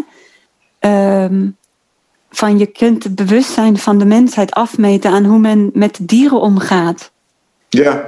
Hè, dus, dus als je dat het bekijkt... personeel. En personeel, ja. Dat, en 100%. nu ook massaal met medemensen. denk ik, nou, hè, mijn paarden zijn eh, wel eh, liefdevoller ook. Ja, ja, interessant. Ja. Ik vind wel dat zo typisch als ik eh, op het internet filmpjes zie van ehm, bijvoorbeeld een eend en een hond die de dikste vriendjes kunnen zijn met elkaar. En denk, goh, wat zouden je mensen toch een boel van kunnen leren zo af en toe. Ze zijn Ja. compleet verschillend en eh, kunnen het gewoon prima met elkaar vinden. Dus eh, Ja. nee, ja, I get it. Ehm, als we het hebben over bewustzijn en we hebben het over non-dualisme, ehm, dan ben ik altijd wel benieuwd. Ik ben, dit is het gedeelte waar Wiegert altijd met zijn ogen rolt en zegt: Oh, hier gaan we weer. Maar we ontkomen niet aan om het ook even over vrije wil te hebben. Ja, maar we kunnen net zo goed dit zien, niet als non-dualiteit, maar als wiskunde. Hè? Ik ben een super, een super logisch, nuchter denkend mens. Mhm. Er zit niks zweverigs aan mij. Eh, Ehm, ondanks dat, dat, dat ik er niet om, aan ontkom om sommige dingen te omschrijven vanuit energetisch perspectief. Want dat is ook wat er in de, in de wereld gaande is. Eh, dus je kunt het net zo goed zien als, als Einstein. Einstein en ik zouden dikke maatjes zijn. Hè, ook vanuit de kwantumfysica, hè? Die, die, wat ik zo'n leuke uitspraak vind, en ik ben je vraag even kwijt. Die zegt: Ik ben er niet zeker van dat als ik mij nu omdraai, dat daar de maan nog steeds staat. Ja. ja Maar wat was je vraag nou ook alweer? Oh ja, vrije wil. Nee, wat mij betreft is vrije wil een contradictie. Want de wil hoort eigenlijk bij het eh, stuk identificerend brein. Maar daar zit vervolgens helemaal geen vrijheid. Mhm. Want daar zitten we volledig gevangen in de overtuigingen.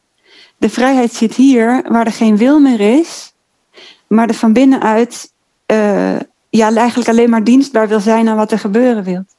Dus vrije wil is een contradictie voor mij.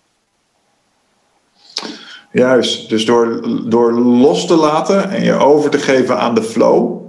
Ga je willen wat je krijgt? Ja, oké, ja, hier heb ik een vraag over. Omdat ehm, ik, ik, ik, ehm, ik geef training in persoonlijk leiderschap. En ik heb vaak met de vraag geworsteld: waarom doen mensen soms dingen niet? En een van de antwoorden die je daar wel eens krijgt is: ja, het voelt gewoon nog niet helemaal oké. Ja. En het voorbeeld wat we dan wel eens gebruiken, uh, want, want, zo kijk ik er tegenaan. En zo is mij dat ook neurologisch gezien uitgelegd uh, door andere jongen, onder andere mensen als Dick Swaap. Um, maar is dat, er is zo'n zo'n cirkel van, um, van actie, denken, voelen en dan weer terug naar de actie. Zo'n zo cirkel. En die, die grijpen ja. op elkaar in. Ja. En, en, mij hebben ze uitgelegd van joh. Uh, je kan ergens in een vliegtuig, dan moet je eruit springen en dan kan je staan wachten tot dat lampje op groen gaat en dan kun je dan pas springen. En dan voelt het goed, dan kun je springen. Maar hoe het neurologisch gezien werkt, is dat je kan wachten tot je een ons heeft, dan blijft het brood. Totdat je gesprongen hebt, hij gaat dan pas op groen. En wie zorgt dan dat je springt? De ratio van het moet gebeuren nu. Snap je wat ik bedoel? En, en met het moment dat je de actie uitvoert, zal je hoofd een, een soort rationalisatie verzinnen. En misschien is dat wel dat ego-ding waar je het net over had, waarom je het hebt gedaan. Dus dan krijg je het bijbehorende gevoel van zelf. Mm -hmm. Ja, het is mij nog een beetje een raadsel wie dan de actie uitvoert. Ja, ik denk het raadsel, dat is de vraag een beetje. Hoe, hoe, hoe kijk jij ja. daar tegenaan? Of is het echt zo, nee, nee, nee, je, je springt dat vliegtuig pas uit op het moment dat, dat je mentale uh, lampje op groen gesprongen is? Ja, voor mij, even, als ik deze even uh, vertaal, is de, van binnenuit worden wij aangedreven. Net als dat bloemetje. Ik vergelijk ons maar weer met het bloemetje. Mm-hmm. Daar zit een bolletje in de grond, die sapstroom komt, dan komt er eerst een takje. En er komt een zijtakje uit en die groeit verder. He, dus er komt een stroming van binnenuit. Mm-hmm. Bij mensen zit er een filter tussen. Er zit een filter van overtuigingen tussen. He, dus, dus wij kunnen niet al die stroming toelaten, want die, die, die kan niet om die overtuigingen heen, die moet er doorheen. Dus op het moment dat dit op één lijn staat met zoals het voelt, dan heb jij een volledig ja en kan je ongestoord gaan. Ja. En dan komt die, dan komt die actie. Als je dit helemaal niet toe zou denken, ertussen zou denken, hè, dan zou er van binnenuit gewoon gehandeld. Maar goed, er zit 95, er zit gewoon ook overtuiging. Daar kan je niet omheen. Dus op het moment dat jij zegt, waarom komen mensen niet tot actie? Dan kan het zijn dat het juiste idee, wat klopt met de stroom van binnen, nog niet er is geweest. Hè? Zoals twijfel. Mm-hmm. Er is een A en B, maar het voelt allebei niet goed. Ik kan het niet, want. Hè? Ja. Of er, er, er zitten allerlei, allerlei draden nog vast aan mensen die belangrijk zijn. Ik heb bijvoorbeeld wel eens meegemaakt dat ik niet verder kon, omdat ik gelijk omdat het belangrijk was zonder dat ik het kon overzien, maar wel intuïtief wist om gelijk met iemand op te lopen. Dus ik moest wachten tot hij mee kon. Of het kan uh, angst zijn. En dan is het inderdaad wachten van, goh, ja, wanneer komen die op één lijn? Ik, ik denk heel veel dingen uh, is een kwestie van timing ook. Niet het juiste moment. Oh zo, ja. ja. Misschien zijn alle capaciteiten er wel. Ja, er moeten bepaalde variabelen nog even op hun plek vallen. Of moeten bepaalde mm-hmm. nog even voldoende bezinken. Ja. Uh, en ik pak daar dus inderdaad die emoties voor. Hè, om inderdaad feedback te krijgen. Goh, hoe wil dat wat binnenuit wil gebeuren? Uh, lopen. Ja. ja.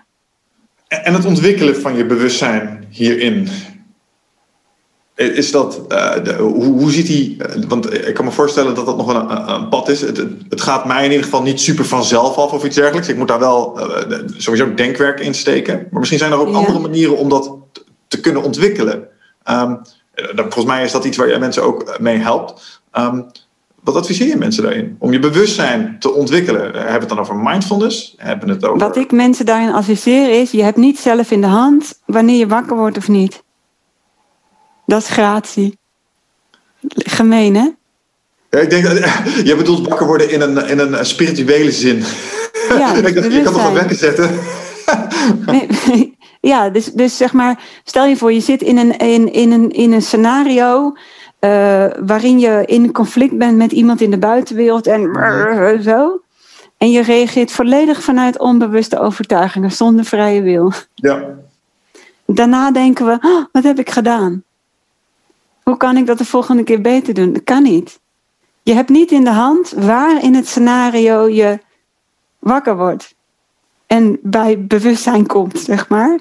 Ja. Ik vind bewustzijn is wakker worden uh, uh, en kunnen aanschouwen uh, hoe je gedachten gaan, hoe je emoties gaan, hoe je lichaam gaat. Mm. Ja, dus wij, wij voelen ons prooi door gedachten. Wij zijn onze emoties en ons lichaam, ja, die doet het. Maar wanneer je kunt kijken naar, dan ben je het niet meer. Hè? Dan ben je het bewustzijn dat kijkt. En dat kan je niet uh, forceren.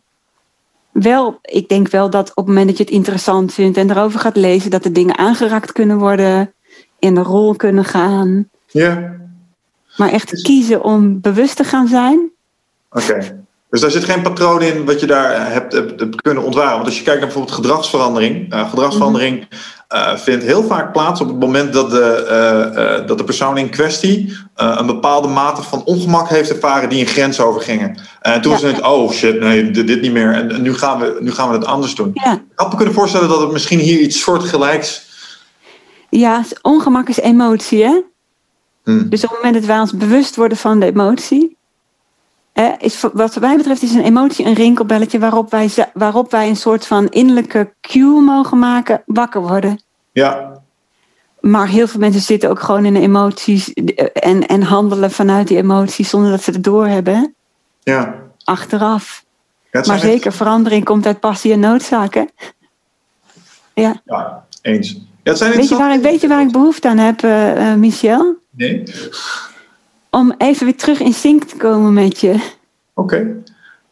Merk je dat ook? En dat praat wel on onmakkelijk. Ik verwacht dat het misschien iets te maken heeft met het, uh, uh, het zoomen. Want ik, ik heb soms een hele kleine vertraging op de lijn. Maar hoe krijgen we de horloges weer gelijk wat jou betreft? uh, even, even van mens tot mens contact maken. Oké. Okay. Ja, en vind, ik vind het eigenlijk wel heel mooi dat we dat nu tegenaan lopen, zeg maar. Um, want uh, voor mij is dat. Uh, ik ben een voelend mens, hè? Dus op het moment dat er, dat er geen connectie meer op voel, voelniveau is, dan worden wij uh, pratende hoofden en dat leidt nergens toe. Hmm. En ik vind die zinken belangrijk, want ja, daar wordt het ook aangegeven, zeg maar. Mm -hmm. Anders treedt die afscheiding op. Oké, okay. ja, ik ervaarde hem zelf niet helemaal zo. Maar nogmaals, wat kunnen we doen om dat weer uh, in de pas te krijgen met elkaar, wat jou betreft? Nou, gewoon even van mens tot mens. Ja. ja, nou, ik, ik, vind het nog, ik vind het nog steeds een heel erg leuk gesprek. Ik vind het ontzettend ja. wat we hier bespreken. Dus, uh... kunnen ook gewoon gaan zetten, maar ik wil even de Michel zien en jij de Vera. Hè? Ja, oké. Okay. Ja. Nou, misschien, misschien wat je waarneemt is dat ik, ik, probeer soms bruggetjes te bouwen naar. Ik heb altijd uh, bij podcasts, misschien wel leuk om te zien. Uh, ik bereid me vaak voor. Ah. Dus ik ben soms ook een beetje op zoek uh, naar de rode draad. En um, soms doen we dit ook met z'n tweeën. En dan zijn er momenten dat Wigert bijvoorbeeld even het woord heeft. zijn hele mooie momenten waarop ik eventjes op mijn boekje kan kijken. en ja. dan de volgende vraag formuleren. Dus misschien is dat wat we hier nu... ja, kijk maar even in je boekje. dus vandaar. Um, nee, maar nee, ik, ik ben... zoals ik al zei, ik vind het een fascinerend onderwerp wat we hier bespreken. En ik merk ook dat het... Um, nou, laat ik het zo zeggen. hier nog meer in ontwikkelen. Je zegt een aantal dingen um, zijn voor mij als mens kijk, ik heb, ik heb altijd het idee gehad, ah, emoties. ik, ben, ik ben rationeel van aard. en dat, dat is een strategie die me super ver gebracht heeft. Maar als iets wat de laatste periode ehm, heel goed heeft blootgelegd, is dat ik alle hoeken word ingepingeld door dit verhaal. Dus als ik inderdaad, wat jij zegt, hè, mijn volle zelf zou willen ontwikkelen en zijn, als dat bloempje tot volledige wassendom zou kunnen komen en in zijn volle pracht zou bloeien. Nou, dan is dit nog wel een onderdeel om nou ja, meer bewustzijn op te ontwikkelen. Ja. Uh, dus ja, nee, uh, ik vind het ontzettend interessant. En, en, wat ik ook merk is dat sommige van de dingen die je uitlegt, die mhm. zijn in dat opzicht nog wel een aantal niveautjes. Daar zitten nog wat, wat, wat stappen tussen. Voor mij om volledig te begrijpen wat je zegt. Ja, kan dus ik me voorstellen. Het is tegelijkertijd ook, het is ook een heel moeilijk onderwerp. En ik mhm. denk dat ik in dat opzicht, dat is een beetje waar we mee begonnen in het begin, uh, als het gaat om, om, om sensemaking, uh, dat, dat meer mensen daarmee worstelen. Ja. En, en, daar op die manier naar kijken, um, nou ja, dat gaat, dat gaat goed springen, denk ik. Ja, dus, dus vraag, vraag me wat, wat onduidelijk is. Hè? Dan kunnen we die bruggetjes misschien slaan.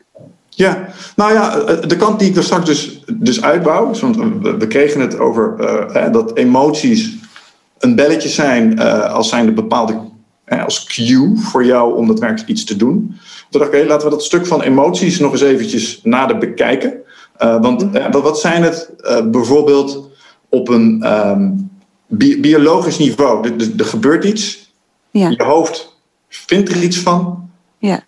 laat bepaalde chemicaliën los. En vervolgens wordt op basis daarvan, wordt jouw gedrag eh, wordt een soort van aangepast. Nou, ik, neem, aan dat je, dat je ook wel eens naar dat mechanistische stuk hebt gekeken wat erachter zit. Dus vanuit, vanuit de biologie. Ik kijk vooral naar het energetische stuk. Okay. En daar, dat is het fundament op onze gedachten, ons lichaam en onze emoties.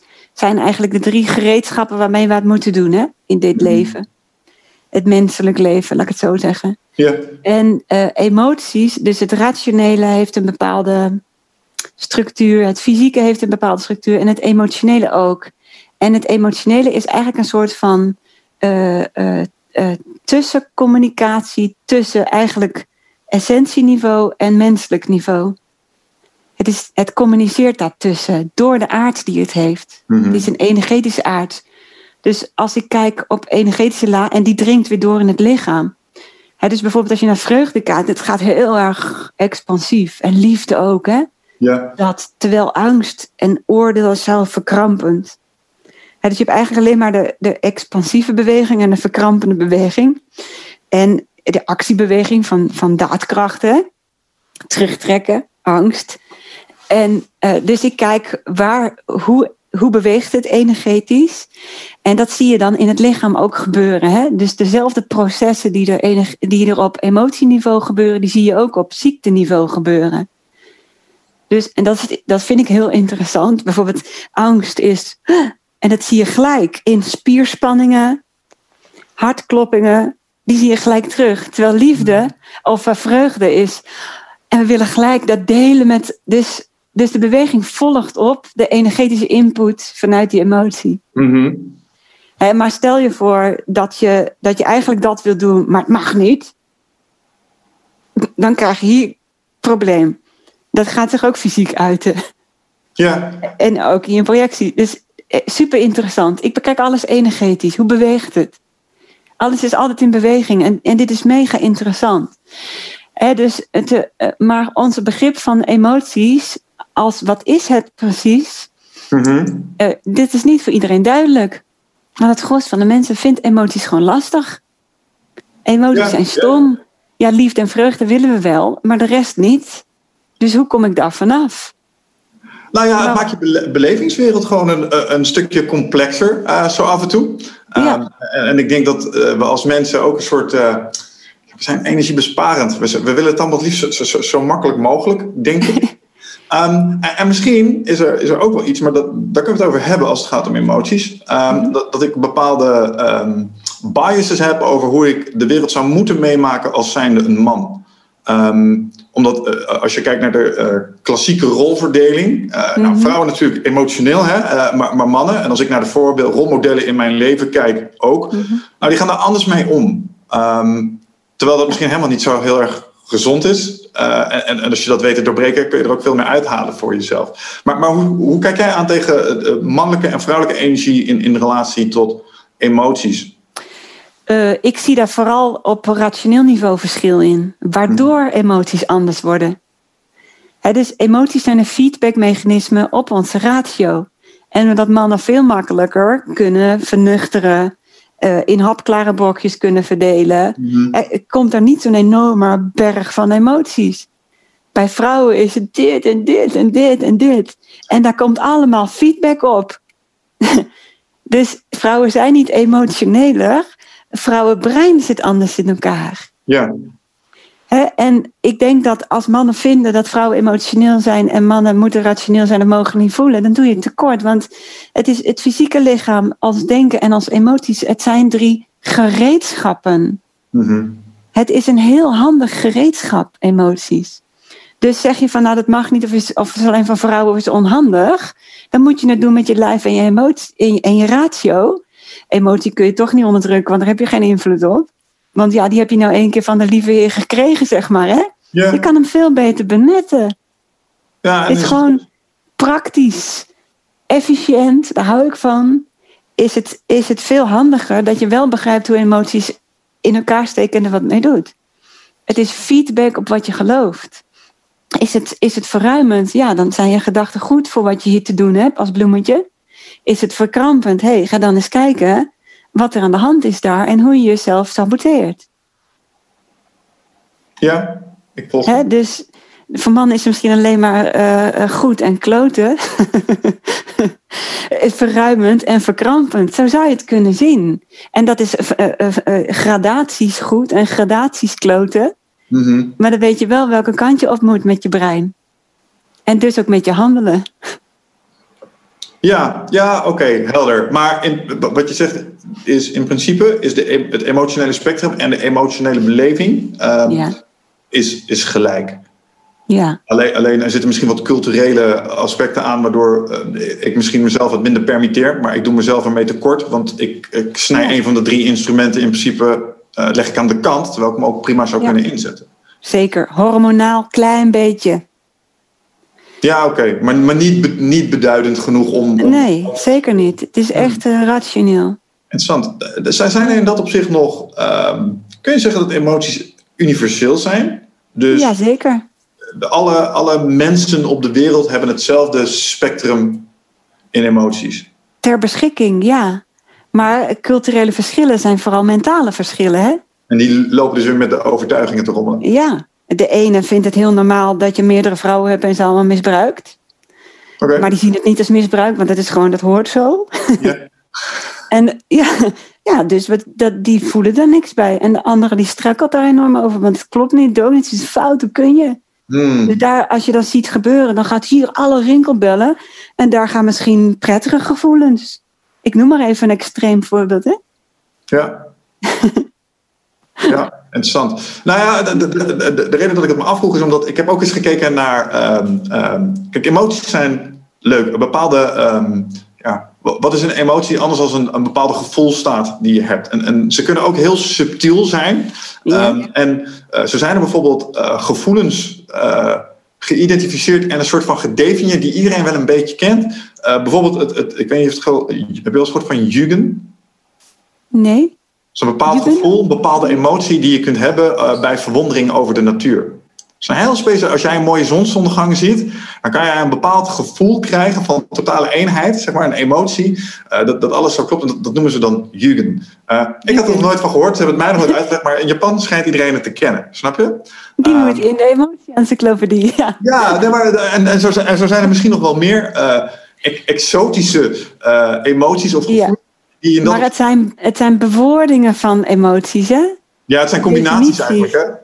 Ja, want ik zie natuurlijk ook, er zitten 300, ja, hij ligt toevallig daar. Er zitten 350 emoties, heb ik beschreven. Maar daarna kreeg ik er nog 75 in mijn e-mailbox hè, van mensen. In de emotie-encyclopedie bedoel je? Ja, terwijl elke emotie is ook iedere keer weer anders. En elke persoon is weer anders. De gradatie is weer anders. Dus weet je, het gaat om begrijpen wat het principe erachter is. En voor de rest ga maar los in je vocabulaire erop. Het maakt niet uit hoe je het noemt. Ja. Het gaat erom hoe het voelt. Hè? En, en, en uh, in welke, bij welk stukje thema, levensthema die hoort en wat hij je wil vertellen. Ja.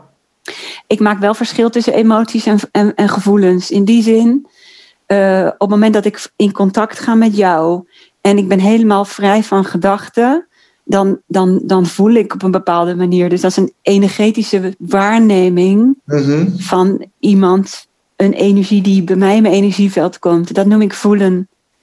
Dus emoties zijn voor mij echt alle emoties die, waar iets tussen zit. Hè?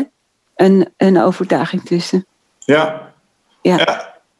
Het is, uh, ik, ik, denk ook wel een, in dat opzicht een onderbelicht stuk. Misschien wel in uh, persoonlijke ont ontwikkeling, of in ieder geval voor mensen om, om, een stap in te maken. Uh, ja. Wat ik ook heel interessant vond aan het werk wat je hebt gedaan, is dat je een, een methodiek hebt ontwikkeld. Ja. Om mensen erin, bijvoorbeeld docenten, maar ook zorgprofessionals, te begeleiden om dat emotionele stuk ja. beter te kunnen adresseren. Um, maar dat heb je vast niet zomaar gedaan. Wat is, wat is het probleem wat je daarmee probeerde op te lossen? Of wat, wat nam je waar waarvan je dacht, oh nee, zorgprofessionals, docenten, die, die moeten dit ook in hun toolkit krijgen, want anders. Ik ben niet uitgegaan van een probleemstelling. Oké. Okay. Want dat is niet zoals ik functioneer. Ja, ja, ja. Ik ben uitgegaan van een ingeving die ik onder de douche kreeg. hey, ik moet iets gaan doen met emoties. Dat is een takje uit mijn bloemetje die wilde gaan bloeien. Daar moet ik iets mee doen. Ik ben de persoon om dat te doen. Daar zat helemaal geen probleemstelling of iets wat Vera wilde. Het was, het was echt van binnenuit. En daar ben ik mee aan de gang gegaan. En daardoor ben ik gaan, gaan uh, uh, uitzenden en echoen. Als een vleermuis hè, ben ik. En dat kwam op een gegeven moment, dat heeft twee jaar mijn focus gehad. Maar dan ben ik niet gaan lezen. Ik ben gaan waarnemen, gaan voelen. Waarnemen, voelen. Ik heb, alles wat ik heb ontwikkeld is niet vanuit een bibliografie. Daarom uh, noemen ze mij niet wetenschappelijk onderbouwd. Ja, oké. Okay. Het is originele, uh, innovatieve waarneming. Dat kon ik met dit autistisch brein. Ik snap het. Dan ga ik de vraag herformuleren. Wat is het wat, wat zorgprofessionals en docenten vinden in jouw, eh, in jouw aanpak, in dat wat jij intuïtief ja. dacht, oké, okay, dit moet ik gaan bouwen, waar ze de waarde in ja. spotten? Heleboel. Ik, mijn mijn, mijn uh, studenten die zeggen: het is de meest zuivere coachvorm die ik heb ontmoet.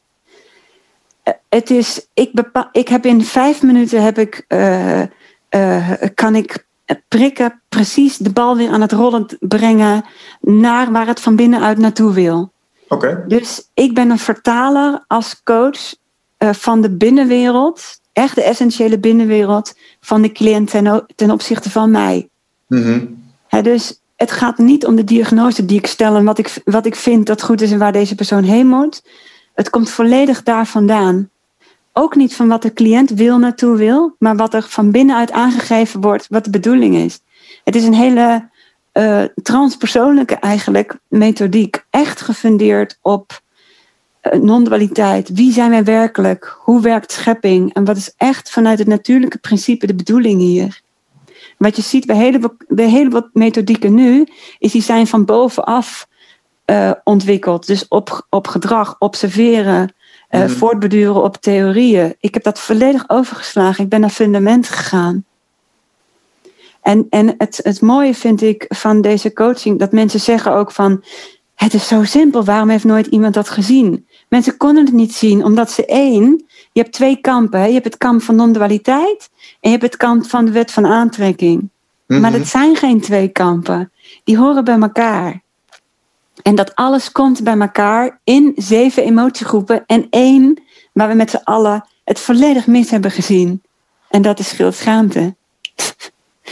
en de rest van die zeven poten zijn alle ingrediënten van de schepping. Het is een echt gefundeerd scheppingsverhaal. Ja, ja dat is, daar ben ik enthousiast over natuurlijk. Ja, nee, dat, dat, kan, ik me, dat kan ik me voorstellen. En je, en je kan echt in vijf minuten gesprekken. Daarom het is super voor artsen, want die lopen nu leeg op psychische consulten. Je hebt in vijf minuten tools in handen om echt rationeel vanuit kennis een gesprek te voeren waar iemand gelukkig naar buiten loopt en weer tools heeft om verder te gaan. Vijf minuten. Nou, als iemand die zelf coacht, en ik kan me voorstellen dat hier meer mensen naar luisteren die zo af en toe coachen en denken, oeh, I gotta get me some of this. Dus um, stel je zou hier uh, even, uh, natuurlijk, doe mee aan de training uh, en, en, en leer, de, leer de methodiek, maar heel high level, hoe, hoe ziet die aanpak eruit? Want als je zoiets in vijf minuten voor elkaar weet te krijgen, ja. daar zijn soms jaren therapie voor nodig. Snap je? Om, om ja, maar ik, wat, wat ik kijk is, het kan best zo zijn dat als je het hebt over mensen die jaren therapie nodig hebben, het kan best een proces zijn, hè? Ik coach niet op tijd.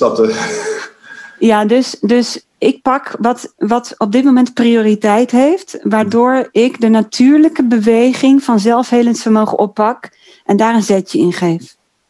Vervolgens kan het zijn dat die persoon over drie dagen toe is aan een volgend consult of over drie maanden. Ja. Dat maakt mij niet uit. Dat is echt afhankelijk van hoe iemand het oppakt. Hè, dus, uh, uh, wat was de vraag ook weer? Ik ben hem even kwijt. Wat, wat, wat eigenlijk de, de, kern is van. Oh ja, vijf minuten. Ja. ja, dus ik kijk uh, waar zit de emotionele trigger. Dus emoties sturen mij in de diagnose en in de richting. Hmm. Dus dus ik weet precies welke emotie op welk levensthema zich afspeelt, waar iemand zich op die ladder bevindt en hoe ik diegene naar boven op de ladder moet komen, zodat hij meer bewust en meer zelfstandig, zelfhelend in, die, in dat levensthema komt te staan. Dus Juist. Dus daar heb ik allemaal hele op logica beruste, op energetische logica beruste tools voor om iemand hup, op die ladder in dat thema. Ga maar weer verder. Ja. Kun je het eens illustreren met een voorbeeld? Want ik denk dat ik begrijp wat je zegt. Uh, ja, dan zou ik bijna een live voorbeeld nemen. Ja? Uh, ja, mag. Je mag iets inbrengen. Oké, okay, nou, let's go. Ja, ja dus ik zou, ik zou, kom er maar mee. Zo dus- zou ik ook gewoon beginnen, hè? Ja, oké, okay, laten we voorstellen dat ik. Uh, um, ik, wil, ik wil meer met dat uh, emotionele spectrum doen, omdat ik het gevoel heb dat ik die, die specifieke toolkit aan het verwaarlozen ben. Ja. Dus dat, dat zou, we zouden dit hierop loslaten. Oké, okay, dan, zou ik, dan zou ik in de eerste instantie, ik pak hier één ingrediënt uit, is ik heb het gevoel dat ik dat aan het verwaarlozen ben. Daar ben ik nieuwsgierig naar. Uh, zijn er momenten geweest dat je dat, je, uh, dat, het, dat je dat concreet daartegen aanliep van hé, hey, nu kom ik tools tekort? Mm, ja, rouwverwerking bijvoorbeeld. Um, Raamverwerking? Rouwverwerking. Oh, rouwverwerking. Ja, ik heb ja. bijvoorbeeld uh, de, de, de dood van mijn moeder. Um. Heb ik heel duidelijk emoties in een, in een doos gestopt, omdat ik ergens een overtuiging had dat ik ze op een bepaalde manier moest dragen en uh, ermee om moest gaan. Omdat ik voorbeelden ja. in mijn leven heb gehad van hoe je dat zou moeten doen als man.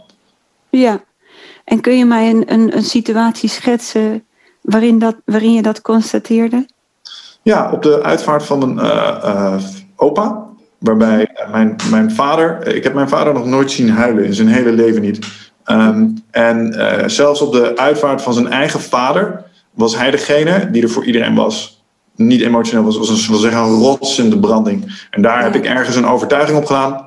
Oké, okay, dus dit is hoe je dit doet als vent. Snap je? Dus zelfs in de moeilijkste situaties in je leven is dit ja. hoe jij je wordt geacht uh, te manifesteren. Ja. En, en, daardoor heb ik in latere momenten in mijn leven ja. um, diezelfde strategie gehanteerd. Precies. En uh, waar merkte je dat je in de clinch kwam met die strategie? Waar werd het moeilijk? Ik merk dat ik in relaties heel weinig oog heb voor uh, het emotionele component zo af en toe. Dus dan is er een bepaalde emotionele beleving, die kan ik al snel als irrationeel afdoen. Ik denk, ja, dat schiet Oké. Okay. En op welk moment krijg jij daar last van? Mm. Waar ik naar zoek is, je draait er heel lekker omheen, maar dat begrijp ik in dit podcast. Hè? Ik, wat ik nodig heb dus om emotiecoaching te doen, is een emotioneel moment. Ja, nou, je loopt er tegenaan in ruzies in je relaties. Omdat je bijvoorbeeld uh, voor het gevoel van je vriendin uh, te makkelijk over sommige dingen die ze echt voelt, voor haar super echt zijn, uh, heen stapt en doet alsof dat niet geldig is. Ja, en, en wat gebeurt er dan met jou als je dat naar je terugkrijgt? Nou, dan, dan kwets ik iemand. Uh, en daar word ik dan uh, verdrietig van. Of ik voel me schuldig. Uh, dat ik weer eens zoals een lompe boer. als een stier in de porseleinwinkel tekeer ben gegaan of iets dergelijks. Of ik ben uit mijn slof geschoten. Want als ik mijn emoties onvoldoende reguleer. waar zie ik dat in terug? Als ik aan de andere kant een keer er helemaal uitklap. Omdat ik ja. over, overspannen reageer op iets wat helemaal niet de, die reactie waard was. Ja. en, dan, en dan ben ik een tiran. En dan heb ik iemand het leven zuur gemaakt. Ja. Dus dus uh, welke, je, je noemt verdriet, je moet, ik voel me schuldig en uh, uh, eigenlijk het, het explosieve boze. Hè? Ja. Waar heb je het meest last van? Waar gaan we naar kijken? Ik denk het explosief boze. Oké. Okay. dus kan je mij aangeven een moment waarop je tot explosie kwam? ja, recentelijk nog. Toen mijn vriendin had iets gedaan uh, waarvan ik dacht: hoe kun je dat nou in het midden van een. Uh, zeg maar, uh, tijdelijk of een gedeeltelijke lockdown, hoe kun je er toch voor kiezen om, om deze actie uit te voeren? Was ergens naartoe gegaan waarvan ik dacht, nou, dit was echt niet essentieel. Je hebt misschien onnodig risico gelopen nu. Nou, dat, dat flipt hem nog niet helemaal de pan uit, maar de, re de reactie was veel scherper als nodig was geweest. Laten we het daar maar ja. houden. Oké, dus ik ga nu micro kijken. Hè? Dus ik heb nu een emotie te pakken en een moment. Want daar mhm. zoek ik naar. De een komt er iets sneller dan de ander. Ja. Dus nu willen we gaan kijken, oké, okay, uh, hiermee is het belangrijk om te gaan kijken wat gebeurde er net voor dat je die explosie had. Wat dacht je aan? Welke conclusies maakte je op basis daarvan? Wat ik dacht was, ik snap niet dat je het niet snapt. hoe kun je dit doen, wetende wat je zou moeten weten? Precies, en dat wat je zou moeten weten, dat zijn een enorm aantal associaties in jouw geest. Ja, ja, ja. ja. ja. Welke overal conclusie maakte je daaruit? Mm, dat, um, nou wat het eigenlijk was, is um, hoe kan je nog niet weten wat je al weet, want ik heb het je al zo vaak verteld. En hoe kun je zo makkelijk over iets heen stappen waarvan je weet dat ik het heel belangrijk vind? Ja. Dat. Precies, wat, wat ik heel belangrijk vind, dus, dus wat er hier gebeurt, is dat jij eigenlijk de sleutel voor jouw geluk leg je in handen bij haar. Heel even wat er gebeurt, is dat jij volledig jouw energie verlegt naar haar. En haar eigenlijk ja, machtig maakt mhm. voor jouw geluk. Ja. En dat is een, wat er dan gebeurt is vanuit je centrale midden vliegt er een heel stuk energie naar haar toe, daarvoor. En wat er dan nodig is, is dat je dat weer terugpakt. Maar zo moet het. En ik heb dit nodig, want. Dus eigenlijk met die boosheid pak je je leiding terug, mhm. omdat je daar eigenlijk onveilig bent geweest, omdat zij een, een schakel in jouw leven is op dat moment. Uh, ja, buiten jou. Ja. Waar al jouw aandacht naartoe gaat. En het valt ook nog eens in de categorie eigenlijk onbeheersbaar. Maar, maar dat, dat, dat, weet ik dan wel, maar dat voelt wel echt heel erg irritant. Ja, ja. dus één is het stuk, het stuk terug je eigen kracht pakken. Dat is een redmiddel. Dus eigenlijk is, balans, eigenlijk is boos op dat moment een balanshersteller. Hè? Hmm. Omdat je daarvoor eigenlijk weglekte nadat je die verantwoordelijkheid helemaal daar legde. Ja. Dat is een gevaarlijke positie. Uh, ja. Ja. Tegelijkertijd, uh, uh, dus wij willen weten waar lek jij weg? En, en op die overtuigingniveau willen we gaan kijken. Waar lek jij weg? In die zin, hoe belangrijk is het dat zij zich conformeert aan jouw regels, zodat jij veilig bent? Ja, ehm, ja, daar kun je op een aantal manieren naar kijken. En mhm. ehm, als, als ik daar op, hoe ik, uh, op, op overtuiging, principeniveau naar kijk, dan vind ik dat ik daar eigenlijk helemaal niks in te doen heb. Ja. Uh, alleen er zit ook een, een soort oerprimair instinct in mij dat dan zo af en toe even de overhand neemt. En die duwt die overtuigingen dan even weg. Want er is een grotere overtuiging, namelijk veiligheid. En dat, ja, als we helemaal terug aan het begin van dit gesprek. Dat komt omdat die overtuiging aan het begin zo scherp is neergezet. Van hey, dit is echt gevaarlijk jongens, weet je wel. Uh, let een beetje op. Er zijn onzekere variabelen hier. Maar eigenlijk is, een, is iets wat ik echt geloof, is iedereen is vrij om te doen en laten wat hij wil. Ja. En dat zou ook hier zo moeten zijn. Want het is een vrouw. Die weet donders goed wat uh, goed en slecht is voor haarzelf. Snap je? Daar heb ik eigenlijk niks in te, niks in te mengen. Uh, dat zou ik zijn beloop moeten laten. Dat is een belangrijk fundament van onze relatie ook. Mm -hmm. um, dus uh, in dat opzicht vind ik dat ik dat eigenlijk zou moeten doen. Maar toch, in dat moment... Um, ja, zie ik ander gedrag uit mezelf komen. Ja. Geregeerd door die, door die emotie van frustratie en ja, ook een stukje angst. Precies, ja. Dus wat we eigenlijk in deze willen, willen onderzoeken, is dus emoties leggen bloot. Hè? Dus die willen jou Hmm. bewust maken wat er aan de hand is. Eén, je legt het dat bij haar neer. Twee, uh, wat komt er daarna voor een emotie vrij? Of daarvoor? Het zal iets van een basale angst zijn, hè? Ja, die je ja. niet eens meer toelaat, want je hebt hem niet genoemd. Dus, dus daar wil ook naar gekeken worden. In hoeverre is dit echt een rationele angst, een reële angst, waar we voorzorgsmaatregelen? En in hoeverre maak ik mezelf gek? Ja. En, wat en daarmee je? ook mijn relatie. Ja, wat bedoel je met een basale angst? Want die noemde je niet.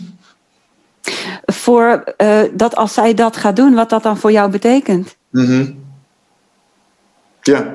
ja, risico. Dus dat... En, en dat ik probeer risico te verminderen. Uh, en, want uh, ik denk dat het gevaarlijk is. En ik ja. realiseer me inmiddels, mede door wat we het aan het begin over hadden, door, door een stukje sensemaking, dat dat, dat, dat een, inderdaad een irrationele is. En wat ik sowieso uit deze podcast heb gehad, is dat die eerste indruk ja. die, die, die, toen gezet is, dat die nu nog na en goud en dat mijn ja. gedragspatroon daarop op gebaseerd is. En, en dat stukje, die eerste indruk, ik weet niet of je zoiets kunt wegpoetsen. Ik weet niet of je daar ook techniek Zeker daar, daar, als, ik, als ik dit wil verbeteren, dan moet ik daaraan gaan werken.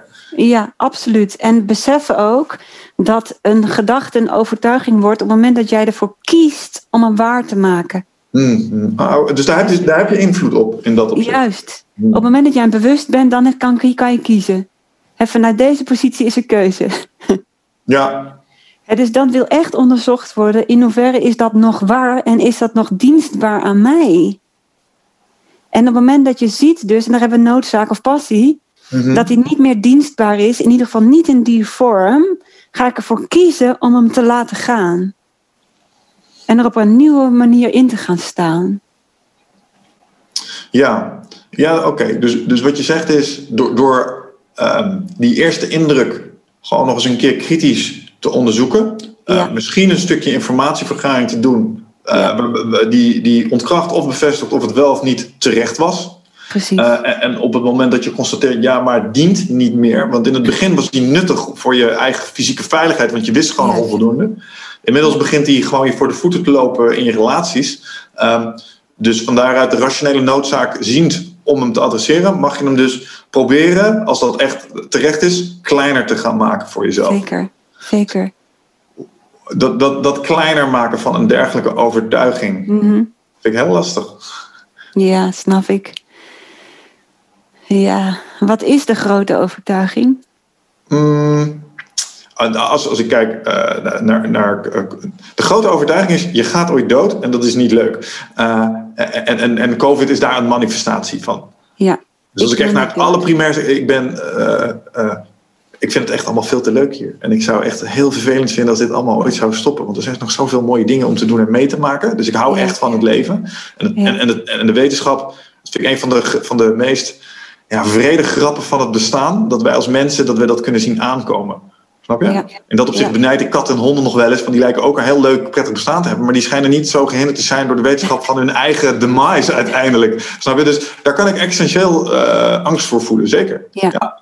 En dat, is- dat is de grote kernangst eigenlijk. En, en COVID is maar een manifestatie daarvan. Precies, de angst voor de dood, of te vroege dood eigenlijk. Hè? Het mooie van dieren vind ik hoe ze zich overgeven aan de dood. Hè?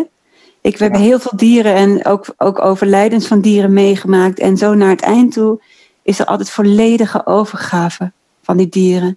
Mhm. Zie je ook bij mensen trouwens. Hè? Hè, dus Ja. angst voor de do- het dood, het, het woord dood. Hè? Zie je die ook in letters voor je? Voor je? Nee, dat niet. Maar ik zie de, de manier waarop eh, zie ik voor me. En ik denk dat er, eh, als ik dan nadenk over de angst ervoor, er zijn een aantal manieren waarop dit zou kunnen gebeuren. En ik hoop op, op een bepaalde manier van dit leven uitgaan. Maar ik Ja. heb helaas door eh, grootouders aan kanker zien overlijden, aan, aan longontstekingen zien overlijden, heb ik ook gezien hoe de laatste weken ook kunnen zijn. Ehm, mhm. En, en, en, misschien is het de echte angst wel dat ik dan in die weken uh, de pracht die, en de awe die ik nu kan ervaren, gewoon helemaal verbitterd tot. Maar het was toch allemaal maar kloten, want deze laatste weken zijn. En dat ik dan de waarde niet meer weet te zien in mijn laatste momenten of zo, weet je wel? Want ik doe mhm. veel. Uh, om er zo mooi mogelijk bestaan van te maken. Maar als ik me dan in de positie plaats zoals ik uh, een aantal van mijn grootouders heb gezien, dan denk ik, nou, ik me heel moeilijk om in die periode niet echt helemaal te verbitteren. En, en het, uh, het einde met een bepaalde rancune tegemoet te zien of zo. Want dat heb ik van dichtbij meegemaakt. Dus, dus vandaar. Dus dat, dat is misschien nog wel, want dat, dat het ooit stopt. Ja, het universum stopt ooit ook, weet je wel. Dus daar doe je niet zoveel aan. Maar weet je, op het moment dat je dat zo dicht hebt meegemaakt, ik hoor in jou, zoals je praat, hoor ik alles van ik wil juist bewustzijn kweken, ik wil juist anders in het leven staan. Dus ik ga het anders doen. Mhm. Wat maakt dan dat je zo aan jezelf twijfelt dat je denkt dat je net zo wordt als die ander? Ik, uh, uh, ik weet het niet. Uh, misschien een gebrek aan, nou laat ik het zo zeggen, ik ben al een paar keer tegen aangelopen dat ik ook maar gewoon een mens ben. Ehm, het is altijd een hele vervelende constatering. Maar ik, ik kan mezelf niet beloven dat ik, dat ik het zo dapper zou doen als ik bijvoorbeeld. kijk, een van mijn grootouders, die heeft het, mijn opa, die heeft het zelf gedaan. Mhm. die, die, heeft euthanasie gepleegd met een, met een drankje en dat soort dingen. En dat was echt met opgeheven hoofd. Maar zelfs dat, denk ik. Wow, nou, dat is nog wel even een momentje wat je, uh, wat je moet trotseren dan. En ik heb hem in de dagen daarvoor, terwijl hij dat al wist, heb ik hem gezien. En, en aan de ene kant denk ik, ja, wauw, ik, zou me, ik zou willen dat ik me zo kon manifesteren. Want dat was mhm. echt, ik vond dat bewonderingswaardig. Maar ergens twijfel ik aan mezelf of ik dat zou kunnen. Want ik heb mezelf al eerder zien falen in dat opzicht. Dus ik wil niet de arrogantie hebben om te denken dat ik dat ook maar zo eventjes kan. Het, is niet, is niet zomaar iets. Uh, en ik denk dat, daar, dat daar de twijfel een beetje zit. Zo van ja, het is leuk dat je het zegt, het is leuk dat je het wilt. Maar doen is nog wel iets anders natuurlijk. Mm Ja, tenzij je op die andere laag gaat functioneren. Ja, nou ja, dus vandaar dat ik het... Want weet je wat het interessante is? Ja, het interessante van pijn en ziekte is dat je in dat moment volledig in het hier en nu leeft. En dat kan, je ziet heel veel mensen, een vriend, goede vriendin van mij is huisarts, mm. die zegt, ik zie zoveel mensen die het leven voor kanker en na kanker hebben, die zo, zo weer de liefde voor het leven voelen, de verbinding met hunzelf en de verbinding met hun dierbaren voelen. Mm dat, dat hoor je ook heel veel. Op het moment dat je terug kan samensmelten met jezelf, kan er alleen maar de, vanuit verbinding kijken. Beauty is in the eye of the beholder. Hmm. Alleen maar vanuit hier kan je rancune en oordelen en, en, en uh, azijn pissen. ja, ja. Maar vanuit hier ga je vanuit liefde kijken. Ja, en, en, het is een, en, en, daar kun je misschien iets over zeggen. Want ik, ik denk dat ik in het proces zit om, om iets te doen aan mijn overtuiging op, op dat gegeven. Maar ik merk wel dat het een. Het, het, gaat, het gaat wisselen. Er zijn dagen dat dan acceptatie. Maar er zijn ook dagen, dan heb ik zoveel weerstand tegen dat idee. Ja. En dan kan je, ik... moet, je, moet in, in, je, moet niet op de, eh, het in acceptatie op overtuigingniveau. Je moet hem voelen, ervaren. Hmm. Wat als je gewoon lekker die camera inkijkt en je probeert mij eens helemaal in te ademen. En dan bedoel ik echt 100%. Letterlijk ook met je adem. Mijn energie gewoon helemaal in je. En als je uitademt, zak je naar beneden.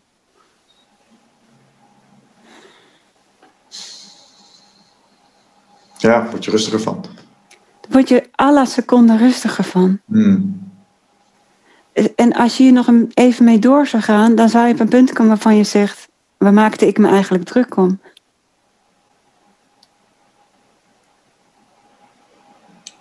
Ja, dat kan ik niet ontkennen. Mm Dus het is zo'n simpele tool, maar continu ligt die verleiding om in ratio in de verhalen te gaan. Mhm. Dat is wat we moeten masteren. Ja. Het zal nog wel wat werk vergen, verwacht ik. Ja. maar, maar, nee, maar, je punt is, is, is, glashelder in dat opzicht. Ja. Uh, want ik, ik, ik, uh, ik merk het, uh, het klopt. Um, mm -hmm. En op het moment dat. Um, ja, nee, het klopt. Op het moment dat je teruggaat naar jezelf, word je rustiger en merk je dat het, dat het stiller wordt in je hoofd. Alleen. Ja ik heb mezelf op een of andere manier, en ik denk met mij uh, uh, een boel andere mensen, um, om zo in dat cerebrale domein uh, te vertoeven. Daar moet het kloppen.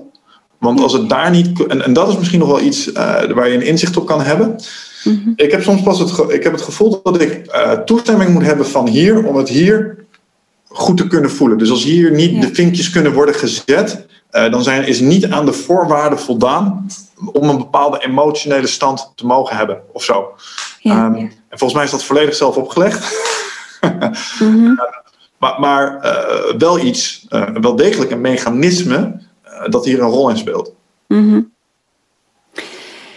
Ehm, kijk, ik zie alleen maar voordelen hiervan. Ik ga ze je noemen, hè? misschien rin- rinkelen ze bij je. Ja, let's go. Weet je, eh, los van of we nou man of vrouw zijn, we zijn mensen. Hmm. En als mensen hebben een fysiek lichaam, we hebben, we hebben onze ratio en we hebben onze emoties.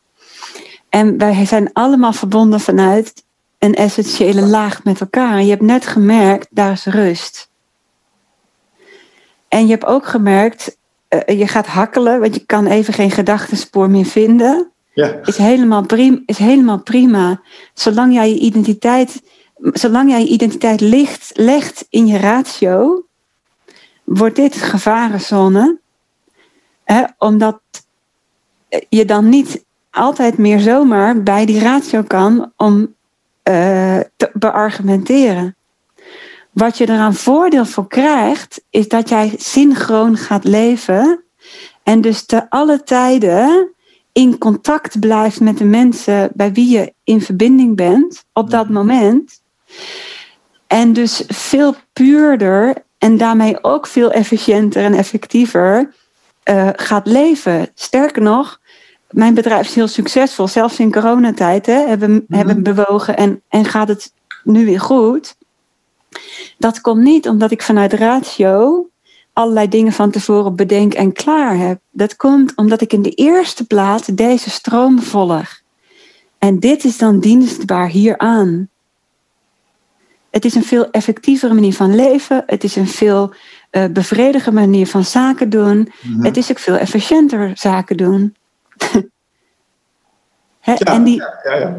Dan nog heb je, heb, je de, heb je niet alleen je kennis, maar je hebt ook de helderheid van geest die hier naar binnen stroomt. Want als je hier in een fuik raakt, dan heb je de helderheid niet meer. En vanuit hier heb je wel altijd de helderheid. Het is echt en-en wat je wint. Het is het onderzoeken waard. Ja, nou dat... Uh, dat ik geef je even een pep talk, hè? Ja, nee, ik, uh, ik, voel, hem, ik, voel, hem ook echt zo. Uh, geen zorgen daar. En, en ik, ik denk echt dat... Um, hè, dat werd gedurende dit gesprek volgens mij op een aantal momenten ook wel duidelijk... dat als ik daar voor mezelf nog een... Ja, een slag in te maken klinkt zo... Oh, dat doe je eventjes... Um, maar als ik, als ik deze ontwikkeling daadwerkelijk omarm, en nogmaals, ik praat hier nu even over mezelf en het gaat hier nu even over Michel, maar ik denk dat dit voor een heleboel mensen als voorbeeld kan dienen voor hun eigen uh, leerpad. En misschien ligt daar voor hun ook nog wel onontgonnen terrein waar ze een heleboel waarde kunnen weghalen. Um, de reden waarom het me uh, ook heel erg triggert, wat je zegt, is omdat uh, ik mag mensen ook graag meenemen in een stukje kennisoverdracht. Uh, en, maar dat is allemaal heel rationeel. Als ik kijk naar wat ik doe, dan, dan echt honderd wat gebeurt allemaal hier, joh. En er begint nu een idee te gloren, zo van, maar wat nou als je dat andere ding er nog eens aan zou gaan toevoegen? Ja. Dan zou het misschien ja. nog leuker kunnen werken. En, uh, Waarom denk je dat er bij mij 200 man in de zaal zitten? Ja, ja nou, om exact die reden denk ik. Ja. Dus dat op zich een, een, een hele grote eye-opener. En ik, ik mag me afvragen, uh, misschien anderen met mij, waarom het toch zo'n... Dat is ook een overtuiging, realiseer ik me inmiddels, dat dat cognitieve superieur is. Iets in mij vindt ook dat emotie emotionele, kom op jongens, het, het moet hier kloppen, ja. hè? wiskundig. Natuurkundig moet het wel enigszins uh, uitlijnen ja. wat we weten over de realiteit. En dan denk ik, ja, het zal wel, maar je maar doet weet je wat het, mooie, wat het mooie is? Dat ratio heel vaak inboet op de wijsheid van hier. Want de wijsheid van hier ligt in verbinding met echte natuurwetten en hoe het wiskundig werkt en natuurwetmatig en energetisch logisch is. Mm. Dit is helemaal de taal van Einstein. Terwijl hier, wat mensen soms bedenken voor maffigheid. Ja, Kijk maar naar je eigen geest. Ik weet ja. zeker dat daar overtuigingen zitten die haaks ten opzichte van elkaar zitten. Ja, ja zeker. Zeker. Nou goed, en, en um, daar een stuk bewustzijn uh, op cultiveren. Dat gaat een heleboel doen. Ja. Maar, maar ook meer. Um, nou ja, je gaf net een, een, een kinderlijk simpel voorbeeld van hoe je een klein beetje terug kan naar, jezelf en hoe er dan een heleboel rust ja. terugkeert. En ik, ik probeer al heel bewust rust te pakken. Maar wat ik mezelf dan, als ik er heel eerlijk in ben, eigenlijk zie doen, is alsnog um, hier, hier vullen. Uh, ja. Activiteit vragen, functie vragen. Uh, misschien is dat wel, om inderdaad dat gevoel waar je het aan het begin over had, uh, dat naar binnen gaan, maar niet te hoeven ervaren. Ja, wat ik jou nog wil aanreiken is, is dit heb je gedaan net met mij. Hè? Voeg er eens aan toe de, de, gewoon de, de, de woorden, een soort van mantra. De wereld is in mij. Hmm. Als je dat, stel je voor, je zou het een maand lang doen, zo vaak als je eraan denkt, elke dag. Bij alles wat je ziet, de wereld is in mij. Wow. Dan krijg je niet alleen confrontatie met je eigen geest en hoe dit in de buitenwereld gespiegeld wordt, maar je komt ook bij een soort van eenheidsprincipe terecht, waar je echt gewoon het middelpunt van jouw leven wordt als bewustzijn. Ja, uh, ik ga en dat dan doen. valt alles weg. Ik ga dat gewoon doen. En dan kijken wat er gaat gebeuren. En, uh, ik ben reuze benieuwd. Ja, nou, ik zal het met je delen als je dat leuk vindt. Leuk, ja. ja. Omdat wat, ik denk dat je daar zegt is dat je... je staat in verbinding met alles, maar, maar je bent dus ook... En ik weet niet of je eigenaarschap op die manier ook bij de persoon zelf neerlegt. Maar je hebt zelf een heleboel in te brengen op, op hoe je het meemaakt, uh, hoe je de wereld percipieert. En, en dat is genoeg om de realiteit te veranderen. En dat is misschien wel het gedachtesprongetje wat ik uh, voorheen heel lastig vond. Want toen dacht ik, ja, maar dat, dat klopt toch niet, Newtonian? Het is toch nog steeds wat het is, maar tegelijkertijd is je perceptie erop. En die wordt gekleurd door je overtuiging. En die is volledig subjectief.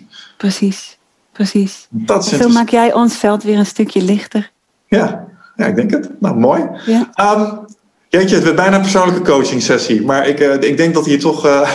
Ja, dit zijn de mooiste gesprekken, hè? Vind ik ook, vind ik ook. En, uh, ja. ja. en je gezicht wordt weer gladder trouwens. Is dat ja. zo? Ja. Ik, ik, zit de hele tijd ja, er zit een beetje te spelen met het licht. Ik heb hier nogal fel licht, maar ik, ik weet niet of dat er wat mee te Maar fijn, blij om te horen, denk ik.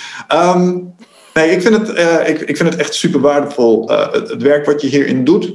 En um, nou, het werd bij mij hè, in de persoonlijke context al wel duidelijk dat hier uh, nog het nodige te halen valt. En ik denk, als we weer even ook weer teruglopen naar het begin.